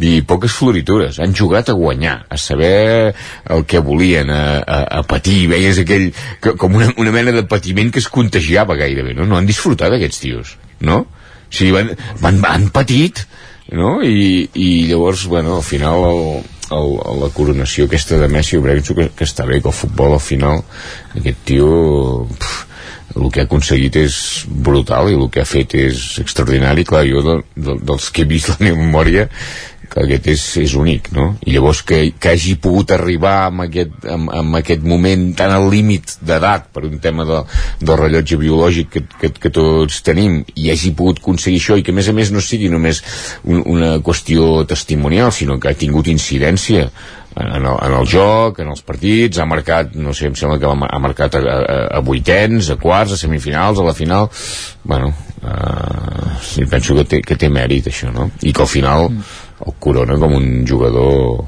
únic. Allò que deies dels canvis de, de França, jo, jo penso que França va, va aconseguir empatar i, i portar el partit a la pròrroga gràcies als canvis perquè van entrar un parell de jugadors allà davant en, Turam i Cianí em sembla que eren dos jugadors que van fer exactament el que no van fer Giroud i Dembélé que és lluitar les pilotes, anar-hi bregar, eh, buscar les segones jugades i llavors en Kingsley Coman que va fallar el penal però sí que va desbordar una mica més no? Eh, em sembla que a més a més va coincidir amb que Argentina va canviar el lateral, a Cunha, bueno, va sortir a Cunha i, i un altre al lateral que no, que no van estar gaire encertats a l'hora d'aturar-los i Mbappé també es va, es va créixer. I, i això que deies, eh, que França podria haver guanyat a la, a la pròrroga a l'últim segon i va fallar la jugada aquella claríssima sí. i que no, és incomprensible com pots fallar allò, però, però Mbappé fins i tot també en va tenir una que crec que va ser encara la, la última no sé si del partit o de la pròrroga que, que es va driplar com a 3 o 4 jugadors i dic, és que marcarà gol aquest tio perquè és que se'n va de tothom és, és que va ser el, el, partit això, no, no la pròrroga el partit pot ser, eh? és que van, van donar 8 minuts d'afegit em sembla també i bueno, un... Vull dir que va ser una però, final però, que, que això, Sí, hi va haver alternatives. alternatives. Que, sí, i va- i van passar, va, va durar molt, però van passar moltes coses, no? No hi va haver Sí, sí, sí. un, vull dir, és el que dic, si Argentina ja estava, si la mitja part es- estava guanyat, ho tenien guanyat, Sí, sí, no? és increïble que empatessin. Havien guanyat, o, eh, els van empatar, llavors sembla que les dinàmiques van al revés, com dieu, Argentina, ai, França, llavors amb el 2-2 hauria pogut guanyar, llavors a la pròrroga quan marquen sembla que ja està no? i després encara Mhm. eh, po poden, poden tornar a, a, a perdre el partit i després finalment el perden no? i poder no sé, tal, tal com van anar ma, mai van anar, o sigui, sempre van anar a remolc, no? Però vull dir que, que no van morir fins, fins allà fins a la riba, no? Allò que, que, que s'ofegaven, s'ofegaven però eh, encara tenien aquella, aquell, aquell punt d'honor i aquella mica d'oxigen per, per ac acabar-ho de forçar i al final, hosti, van, va arribar fins, fins Jo al me final n'alegro pels argentins perquè ja les passen pr prou magres a casa seva doncs que eh, un, un país que viu el futbol d'aquesta manera que com ho fan ells doncs eh, gairebé es, mereixien una recompensa d'aquesta perquè són campions del món amb, amb polítics ineptes. Vull dir que ja està bé que de tant i tant sobre en Messi eh, fes algun pronunciament. Sense colors al final els colors són els blanc i blaus també, no? però vull dir, fes un pronunciament sobre en Messi Això estem molt... aquest, aquest és blau cel eh? Vull dir que no, no Sí, fotem, és? Albi Celeste. Sí, no em fiquis amb, amb comparacions amb colors i, i d'això. No, no, sobre en Messi jo no tinc res a dir. Vull dir que en, en, en aquesta final hi havia dos cracs i l'única cosa que mm, us recordo en els culers que els dos cracs perteneixen eh, pertanyen al, PSG. al, al PSG va guanyar el PSG Exacte. Vull dir que aquí, aquí no, aquests no podien perdre no. Vull dir que... Com que la Champions guanyarà el Madrid, és igual, no? No, importa, no, no, pa- no passa absolutament res. Hi ha una cosa que m'ha dit en Lluís que em fa molta gràcia, que és el tema de- d'això que deia, que els argentins ho viuen molt i que, i que omplien l'es- l'estadi, i amb això que deies, és la mentida que un país que estigui tan malament econòmicament i tot això, que puguin omplir l'estadi. Suposo que es deuen gastar tots els diners de l'any en anar al Mundial perquè si no és incomprensible o que hi ha una part de la població que s'ho pot permetre sí. Això. Clar, Tio, però, però, un- però Déu-n'hi-do, clar, i els francesos però n'hi havia pas tant, no? I teòricament Sí, sí. És un percentatge que la, mínim de, Sí, sí, sí, de la població d'Argentina i esclar també Exacte. se, segur que n'hi ha molts que es poden permetre eh, doncs una despesa com, com la de que de- devia ser perquè parlen d'entrades de Sí, preus sí. de 1.000 euros vull dir que mm, bestieses així eh, només es fan una vegada a la vida una altra cosa és que no sé si quan els hi baixin rebaixant l'eufòria i els bancs els hi baixin re, de, reclamant els diners que han demanat per, per fer el viatge aviam si Passa que un dels problemes no de l'Argentina, sinó de- d'arreu, precisament és la desigualtat. Vull dir que n'hi ha molts que pateixen, però n'hi ha uns pocs que van molt bé. Llavors, eh, clar, aquests pocs que van molt bé també ja t'omplen un camp de futbol són els que poden anar a veure aquests partits i això no passa a l'Argentina només, passa a tot arreu això. No, però era impressionant com ve veure les, Però- però la sí, sí. graderia, eh? vull dir, com estava. però, però hi ha aficions que han sent més nombroses que altres el Marroc, l'Argentina, Brasil i n'hi ha d'altres, Holanda no, Però, per exemple a, a, la pregunta és, Mar- els del Marroc es va, eh, hi van anar després o què? Perquè no, no es devien fer pas pagues de fer el Mundial que van fer, no? Hòstia, Clar, quan, Mundial va ser quan molt comences penses eh, no sé si, si, ni si passarà la frase de grups. I llavors resulta que es classifiquen i apareix re- gent del Marroc per tot arreu. Vull dir, no- l'únic país àrab també Exacte, però una, una cosa molt estranya la, la situació de... O sigui, la, la quantitat de- de- d'aficionats que omplen les grades al, al Marroc. Si havien comprat les entrades abans, no, és que no, no, no, no ho entenc en, ca en canvi el rei d'Espanya va anar-hi al primer partit no sé si ara Ho van endevinar. ho van endevinar Van endevinar el partit, no? És allò que si vas un dia i, no? I és el dia del 7 a 0, va baixar el vestidor Sí, fins i tot. Vull dir que va ja tenir, podria bon, haver anat a tots doncs va tenir bon ull. Va tenir bon ull. No, diu una vegada i prou. ara ja, mira De totes maneres, l'altra pregunta que em faig jo és a partir d'ara, eh, tots els partits de Lliga allargaran els partits com ho estan fent en el Mundial? Perquè a primeres parts amb 6 o 7 minuts, Mm. primeres parts, jo no ho havia vist mai. No.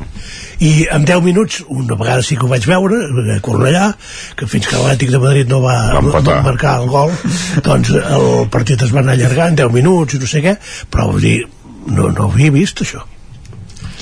no, no Jo crec que no, que no, que no passarà, però no estaria malament, eh? Això que, que, que passés no estaria malament. Al final, si, si l'àrbitre va parant el rellotge, diguem que el temps mm, jugat eh, mm, s'assembli més al, al temps fixat per combatre aquestes pèrdues de, de temps tan i tan i tan exagerades no estaria malament, eh? Això vull dir que, No, no, sembla vull dir que al final es acabi jugant perquè, hòstia, entre tot a vegades en algun partit d'aquests s'han acabat jugant això, 15 minuts més entre, entre les dues parts o, o, o poder 20 minuts gairebé, no? A vegades vull dir que, que és una diferència molt, molt important si su- sumant els afegits de la primera part i del final del partit, no? Ahir em penso que van ser 6 minuts a la primera i 8 a la segona. Doncs això, un quart d'hora més. Van jugar un quart d'hora més. un quart d'hora més, jugar més la, part de pròrroga. més, exacte, més, més, la, més la mitja hora de pròrroga, vull dir que ja, ja, ja, és, ja és llarg, eh? Uh, hi havia un, re, per fer un incís uh, Carlos Marchena, en un dels comentaris de televisió espanyola, un dia va dir que estaria bé que els últims 20 minuts del partit que poguessin parar el, el rellotge que fos a temps parat com es fa en el, en el futbol sala, no, només els 20 minuts últims del partit, eh, del 70 al 90 i així s'evitarien moltes pèrdues de temps, però clar no sé si això només fer-ho en una de les dues parts no, no, no sé si té molt sentit o no però bueno, eh, jo ja m'està bé que allarguin els minuts i després compleixen i allarguen el que han d'allargar eh? Vull En dir, Marchena és el si es perd jutge? temps eh? És el jutge aquest en Marchena o no? no, va ser el que va ser campió del món amb Espanya el, el jugador aquell que va jugar al València al Villarreal Ah, no, no, com que... sí, sí, no, no, per al Carlos. Marchena, Marchena no, no. Carlos Marchena, sí, sí I en passarel·la no, no he acabat d'entendre què deies al principi d'en passarel·la. en passarel·la és el jugador argentí que ha guanyat més mundials Ah, sí? n'ha guanyat dos va guanyar el del 78 i el del 86 no hi ha cap altre jugador que hagi guanyat més mundials de la- de l'Argentina Clar, Argentina Els n'ha guanyat un, N'ha guanyat tres, Argentina, no? Pues clar, per un Sí, tema no, d'edat, perquè ser-hi en dos. 78-86 encara podia ser, però els del 86 segur que no arribaven ni al 2022, no? ho tenia difícil bueno, Maradona per exemple ja és mort com ho tenia difícil En Valdano era l'estadi. I dels que, van jugar, sí. dels que van jugar ahir no en devia haver nascut eh, cap quan en, en, El 86, home, Messi poder estava allò just, eh? 34 anys... És... Bueno, però encara no. no. No, 87, no? Ai, 88, són 34 anys. Que Vull sí? dir Si ho compto bé. 34. Clar, no, sí, no, no, no hi havia ningú que, que ho hagués Un jugador que en tingués 36. No sé si hi havia algú que tenia 36 anys. O... És del 87, en Messi. Sí, eh? No, però és, això bueno, és normal, aquestes, aquestes seleccions, eh, quan enganxen bones fornades de jugadors, de fet el, l'Argentina, si us recordeu, bueno, va guanyar el 78, el 82 no li va anar bé, però llavors el 86 va guanyar i el 90 va arribar a la final. A la final. Vull dir que, no? I, i Alemanya doncs eh, també li ha passat diverses vegades no? això, el Brasil eh, el Brasil és un món a part aquest bueno, Bueno, el Brasil al 58 al 70 en va guanyar 3. és un món a part però eh, mm, en la nostra memòria no? perquè, perquè la realitat dels últims 25 o 30 anys no, no diu això sí que és veritat que el, el 94 van guanyar la final contra Itàlia el 98 van arribar a la final i el 2002 eh, Van el dos- guanyar. van guanyar, per tant aquí hi torna a haver-hi no? aquesta generació no? del, del, d'en Ronaldo Nazario principalment que, en, Sí. que enganxen aquests tres que, aquesta bona generació i, i guanyen final i guanyen En vull dir, Ronaldo en va guanyar dos. em va, em va guanyar exacte, dos perquè el 94 em sembla va jugar molt poc o, o però, ja, però, poc, però ja hi era però ja hi era I Cafú també, que fos l'altre que en va el, guanyar dos. el 98 van perdre clarament contra França i el 2002 van guanyar contra Alemanya vull dir que això, això passa i va passar a l'Argentina però llavors clar, quan, quan tornes a crear una generació de jugadors és, imagina't l'Argentina no? des del 86 fins ara no, i a Sud-amèrica no, no podem oblidar que 20 anys ja. eh, no sé quin percentatge però els altíssims jugadors que juguen a Europa de tant de la selecció de Brasil com d'Argentina però Argentina el, el 2014 també devia arribar a la final no? contra, contra Alemanya el Sí. 14 eh, Però té mèrit, eh, Argentina. el Brasil vull dir que sí, Sí, sí, jugadors del Sevilla i del Betis, eh, l'equip. sí. I del I de que no Madrid, eh? coneixem, i d'equips que no coneixem. I, i, i el, aquell, el McAllister aquell, pensava, dic, hòstia, aquest ha de ser un crac, aquest tio, i vaig mirar Brighton, Brighton South Albion. sí, juga amb el Dic, Brighton pues no durarà gaire, eh? No durarà gaire, perquè... Però això passa sempre en el, en el, i ara menys, perquè ara estem tots més connectats i, i amb la xarxa sabem tots els jugadors, no? Però Perdó. Això, això passava molt abans. Jo me'n recordo quan, quan hi havia... El Mundial era un aparador i després els equips europeus Sí, sí. d'aquests equips sud-americans fitxaven jugadors. El jugador que va fer el primer gol en el, el Mundial del, a la final del 86, l'argentí, us en recordeu? Era un central que es deia Brown i aquest el va fitxar el Múrcia. O sigui, Uh, per, per què? Perquè eren jugadors que, que, que devien jugar jugaven a l'Argentina la, el sistema d'informació era diferent del que hi havia ara i després un campió del món i el va fitxar el Múrcia. Era el, el, el central del, de, del no ho Múrcia sabia. perquè es posaven en l'entrenador José Luis crec, bus, busqueu José Luis Brown i va fer el primer gol va fer el primer El gol de, va fer el primer gol de la final. Aquest va fer el primer gol, el segon el va fer en Valdano i el tercer en Burruchaga. Però el primer gol el va fer aquest i aquest va, va jugar amb el Múrcia però no, no quan es retirava, no, no, diguem, el salt a Europa, jo crec que va ser amb el, amb el Múrcia, que el Múrcia jugava amb Figueroa, jugava tal, i van fitxar I un... el, el, el porter d'ara el porter d'ara argentí juga a l'Aston Villa eh? Sí, però l'Aston Villa ja és la Premier, no? I, i ara avui és, és diferent, Sí. és diferent això. Però, ostres, però aquell moment, el, el Mundial era, hòstia, aquest jugador tal, i clar, no hi havia el, el, el, no hi havia vídeos, no? no, no? Els jugadors No, no, no, clar. els descobries eh, veient-los, no? Per això hi havia aquell farsant que va estar molts anys estafant brasiler eh, que ara no recordo com es diu Que, que, Bueno, que no, era, no era futbolista, no? sí, recomano molt el documental eh? Molt bé, hem parlat de Mundial, Mundial que acabava ahir amb la victòria d'Argentina, amb Lluís de Planell, amb Agustí Anés, amb Isaac Muntades. Moltíssimes gràcies i ja la propera tertúlia serà l'any que ve, per tant... Eh, No, no podrem parlar, no podem fer la prèvia del, del derbi, no? Del, del Barça espanyol, perquè és el dia 31. I no hi haurà tertúlia abans. ja si guanya l'Espanyol, va ja. Va, tots els Va, ànims va, El Barça és líder de la Lliga, ho recordo. Ho recordem. Ah, doncs és la manera de guanyar, sí. i el Madrid el vigent campió Gràcies a tots tres. Una setmana més. Adéu-siau. Adéu. adéu, adéu